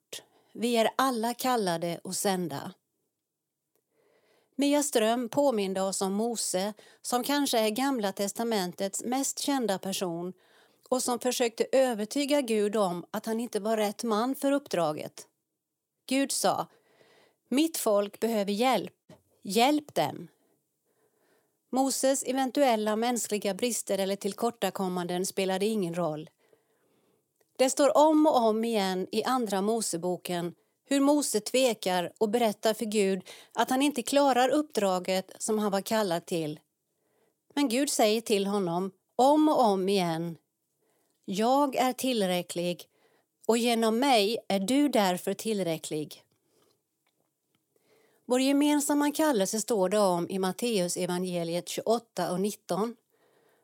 Gå därför ut och gör alla folk till lärjungar. Detta gäller var och en av oss. Vi är inte kallade på grund av våra prestationer eller att vi nått upp till en viss meritpoäng i andlighet som Mattias Nordström sa under lägrets första kvällsmöte. Detta är en uppmaning, inte bara för vår tids ungdomar utan en som vi var och en ställs inför. Vi behöver alla fråga Gud vad han vill med vårt liv. Vad är Guds kallelse för ditt liv? En bild visar ungdomar samlade i Lötenkyrkan Uppsala och tittar på nyårslägret Livskraft tillsammans. Det stora i det lilla vår region har den senaste tiden fått påminnas om rikedomen i det lilla. Det finns mycket vi tidigare tagit för givet som under det senaste året blivit till vår räddning. Att vi lever i en värld med teknik som gör det möjligt för oss att kolla på gudstjänst. De människor som har handlat åt oss när vi själva inte kunnat. De vänner vi kunnat ringa och prata ut med. Denna vackra vinter som vi fått, fylld av snö och ljus. Att få se denna årstid i all sin ära, se Guds skapelse i en ny form. Även den lilla snöflingan är unikt skapad av Gud. Vi tackar dig, Herre, för det stora i det lilla. Sidan 60, region Västsverige. Föregångare och efterträdare. Thomas der Nederlanden axlar nu fullt ut rollen som gårdsföreståndare för Sandvikengården. Text Einar Schelin, bild privat. Länge har det varit tal om att det en dag kommer behövas en ny gårdsföreståndare för Sandvikengården när Martin Frykberg ska gå i pension. Våren 2019 hörde Thomas der Nederlanden av sig om tjänsten och med titlar som egenföretagare, grafisk formgivare, säljare och personlig assistent på CV blev han direkt intressant. Thomas fick tjänsten och har sedan sommaren 2019 gått bredvid Martin som biträdande gårdsföreståndare. Och nu, från och med årsskiftet, är Thomas gårdsföreståndare fullt ut. Det engelska uttrycket Jack of all trades passar in på mig. Jag kan mycket, men är inte expert på något. En hustomte, säger Thomas när jag ber honom beskriva sig själv med en mening. Och hustomte har han fått bli under de senaste 18 månaderna. Även om uppgifterna varit väldigt annorlunda under 2020. Jag har hört att det tar ett år att komma in på arbetsplatsen, sen ett år till för att lära sig uppgifterna, för att det tredje året verkligen kunna vara inne i rollen. Efter mitt första halvår kom pandemin och vände upp och ner på alltihop så jag kom aldrig in i rutinerna mitt första år kommer nog snarare bli två. På många sätt har det varit ett jobbigt första år med många arbetsuppgifter som det inte verkar finnas tid för och stressen över det ekonomiska läget på grund av pandemin. Men trots allt känner Thomas att han har hittat rätt. När jag tittar tillbaka på hur jag fick jobbet känns det som ett gudsingripande. Jag får höra mycket från de som är engagerade på gården att jag är något slags bönesvar. Men jag kan säga att Sandvikengården är ett bönesvar för mig. Det har varit svårt att hitta hem i arbetslivet tidigare men gården förser mig med arbetsuppgifter som är så mångsidiga att jag inte tröttnar. Thomas uppmanar alla som vill stötta Sandvikengården under denna ekonomiskt pressade tid genom att bli månadsgivare Se mer på sandvikengarden.se. Detta är extra viktigt då det kommande halvåret ser ut att bli tufft med få bokningar och stor risk för avbokningar. Som avslutning säger han några ord om sin inställning till sin nya roll. Jag går inte in för att förändra utan för att förvalta och sen utveckla. Det är min tanke i min tjänst. Martin Frykbergs egna ord om sin tid på Sandvikengården. År 1979 söktes husfar till Sandvikens ungdomshem. Jag hade varit på gården, men platsen var i stort sett okänd för mig. Men jag sökte och fick sommarjobb. Jag kom tillbaka som sommarjobbare och fick 1983 erbjudande om en tjänst på Hollandsgården. Men ett motbud från kretsföreningen med heltidstjänst som ungdomskonsulent och administratör förutom uppgiften på gården gjorde att jag efter mycket vånda och bön valde Värmland. På 40 år har mycket hänt och första åren hade jag ett litet krypin vägg i vägg med kontoret, nära till jobbet och jour 24-7. Mjölk hämtades varje morgon på en bondgård och grönsaker köptes hos grannen. Jag var ung och orkade jobba långa dagar för att sedan hitta på något med mina arbetskamrater på nätterna med paddelturer, utflykter och hyss för konfirmanderna. Samhället, datorisering, mobiltelefoni och internet medförde förändringar och det var mycket att lära och spännande med allt det nya. Säsongen förlängdes och gårdens ekonomi stabiliserades stegvis. Gården har ett fantastiskt stöd från så många, inte minst i dessa pandemitider. Under senare år har Sandvikengårdens sommarkommunitet blivit en viktig del av gården. Den arrangerar och genomför de flesta av våra barn och ungdomsarrangemang och det ger en positiv motvikt till en annars allt äldre medlemskara. Det är den viktigaste faktorn för framtiden som förverkligar gårdens mål och ger nytt ungt engagemang. Nu är det dags för pensionen. Först ska jag ta det lugnt och sedan får jag lära mig pensionärslivet, låta allt ta längre tid, renovera på huset och njuta av att ta dagen som den kommer. Till sommaren ser jag fram emot att kunna se bilarna susa förbi mot gården utan att behöva fundera på vad som händer nu och veta att det fixar sig. Att jag inte behöver bry mig och passa på att njuta av sommaren med en kaffekopp i min hand.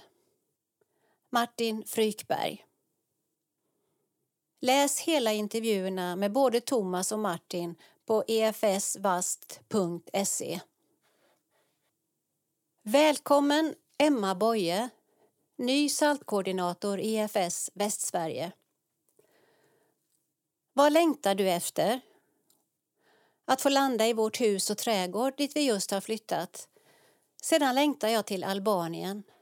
Som familj var vi på flera missionsresor dit via den Herrnhutiska kyrkan.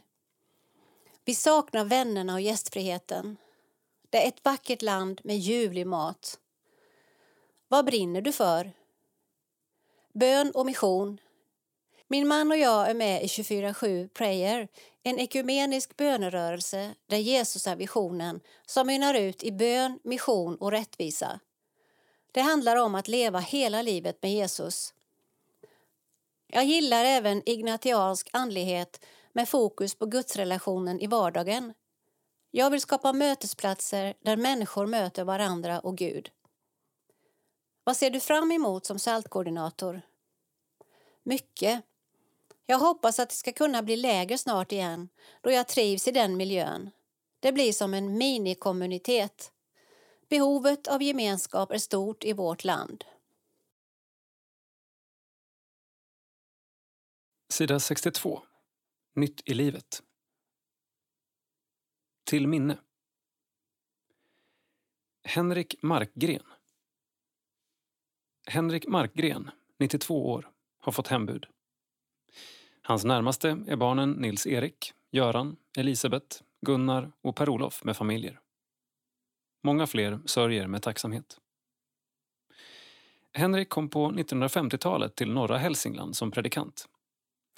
Trots perioder i Kristianstad, på Hollandsgården, i Härnösand och resor till Tanzania blev han kvar hela livet, med huset i Harmånger som fast punkt.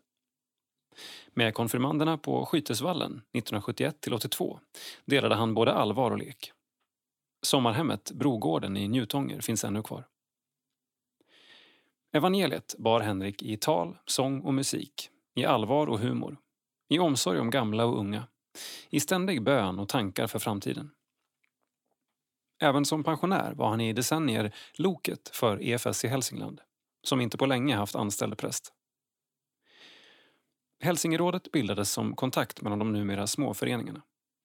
Han engagerade sig starkt för asylsökande, kämpade med myndigheter och döpte dem som kom till tro. Han är äldst bland oss, men yngre än vi alla, som någon sa. Nu har Henrik fått gå hem till Herren. De senaste åren hade jag förmånen att ibland gästa hans hus och äta hans frukostgröt. Liksom många före detta konfirmander och andra ungdomar, asylsökande, präster och vanliga hälsingar hade jag fått goda minnen och djupa intryck att förvalta. Hans Lindholm I början av 50-talet träffade jag Henrik för första gången. Han hälsade på oss i Gnarp, där pappa Hjalmar hade ett sommartorp. EFS-pastorerna Henrik och Hjalmar samarbetade en hel del. Till exempel med ungdoms och konfirmandläger på Skytesvallen öster om Färila och på Brogården i Njutånger. En sommardag, tror det var 1953, svängde Henrik in vid torpet med sin fina A-Ford. Han var mycket intresserad av bilar och hämtade mig till ett juniorläger i Horte, en fiskarby strax öster om Jättendal där Henrik, mycket omtyckt av oss ungdomar, var ledare. Logementet vi juniorer hade var en loge cirka 50 meter från sjöbordarna där blixten slog ner en natt och antände en sjöbord som brann ner till grunden. Den natten kunde vi inte sova, men veckan i Horte blev mycket minnesvärd, vilket Henrik hade stor del i. Åren 1957 till 1959 gick jag på Hollands folkhögskola, nuvarande Jämtbygdens folkhögskola, som ägs och drivs i EFS regi. 1958 flyttade vi till Hudiksvall där jag 1980 startade storbandet Håsta Jazz som jag spelade saxofon i och ledde. Henrik, som då bodde i Harmånger, hade hört oss spela och på hans initiativ medverkade jag, en kyrkomusiker och en basist från Håsta Jazz i några mycket uppskattade musikcaféer i Gnarp och Jättendal som Henrik ledde och också deltog i med sin fina sångröst. 1985 fick jag till min förvåning brev från Hollands folkhögskola. Jag hade blivit tilldelad årets Hollands folkhögskolas kulturstipendium 1984 ur Ante Karlsson Stigs minnesfond fick så småningom veta att den som föreslagit att jag skulle få det visade sig vara Henrik. Ja, han var ofta överraskningarnas man. I början av 2000-talet, när jag och min hustru bodde i Nyköping, träffade vi honom i Oppebykyrkan när EFS Mittsverige hade sin årskonferens där. Sen 2019 är vi tillbaka i glada Hudik och det var en glädje att få träffa honom igen i samband med Knösta bönhus 100-årsjubileum där han också höll ett fint tal och medverkade med sång. Jag lovade honom vid det tillfället att hälsa på i Harmånger, men det hann dessvärre inte bli av. Coronaviruset ändade hans välsignade liv. En Herrens mycket trogne tjänare och förkunnare har kallats hem. Henrik får nu låta sin vackra stämma ljuda i den himmelska lovsången. Vi är många, många, unga som gamla, som minns och saknar Henrik. Stig Söderström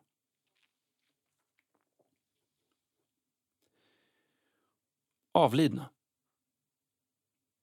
Vår älskade Gerd Marie Öhman.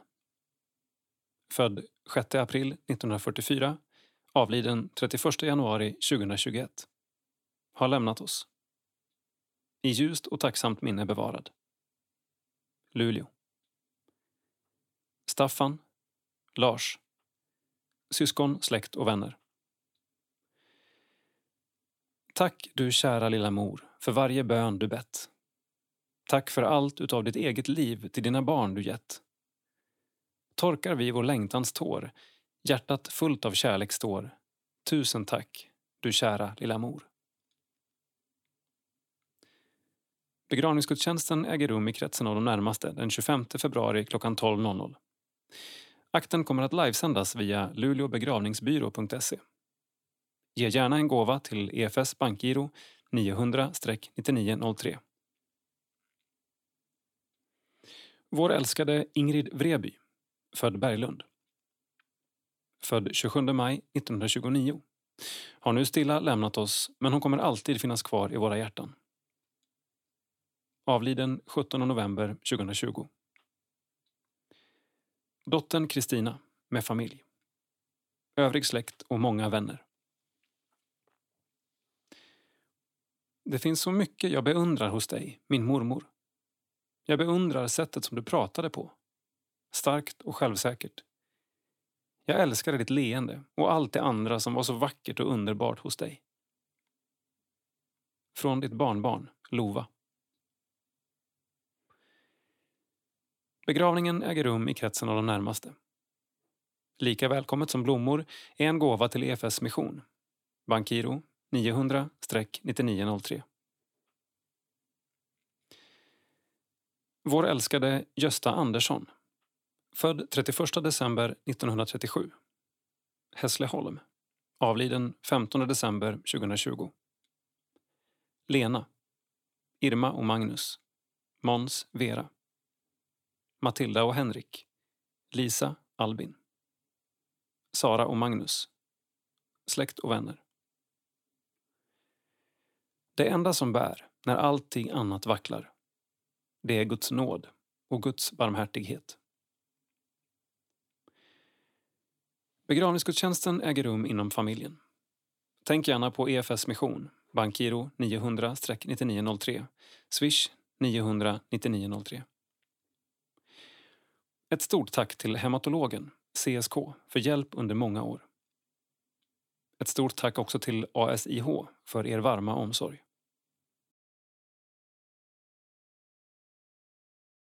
Sida 65. Krönika. Salt.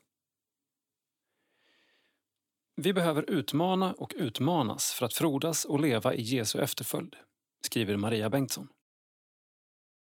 Vikten av kristna syskon.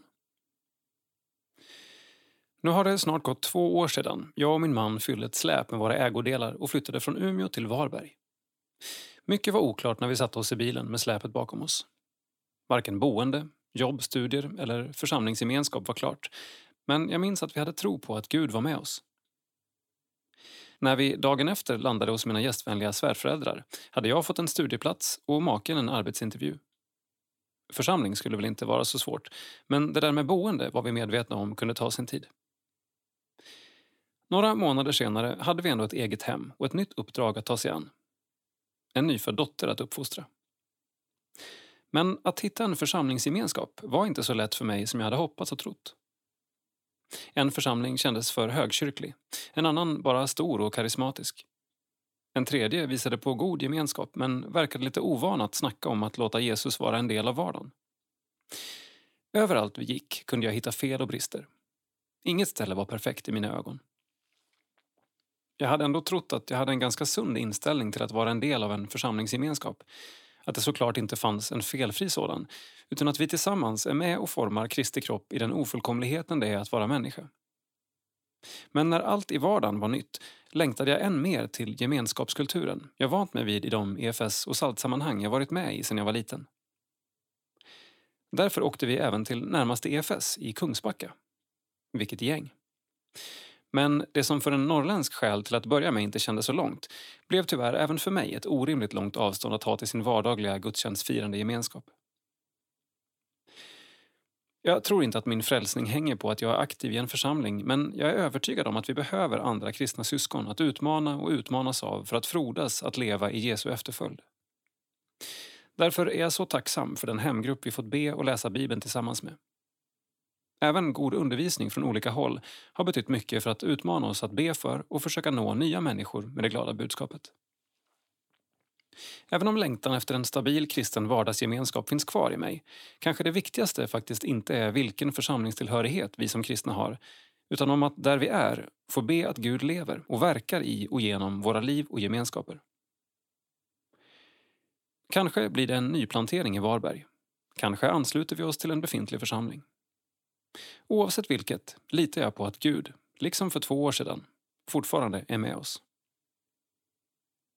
Maria Bengtsson, ordförande Salts riksstyrelse. Tack för att du har lyssnat.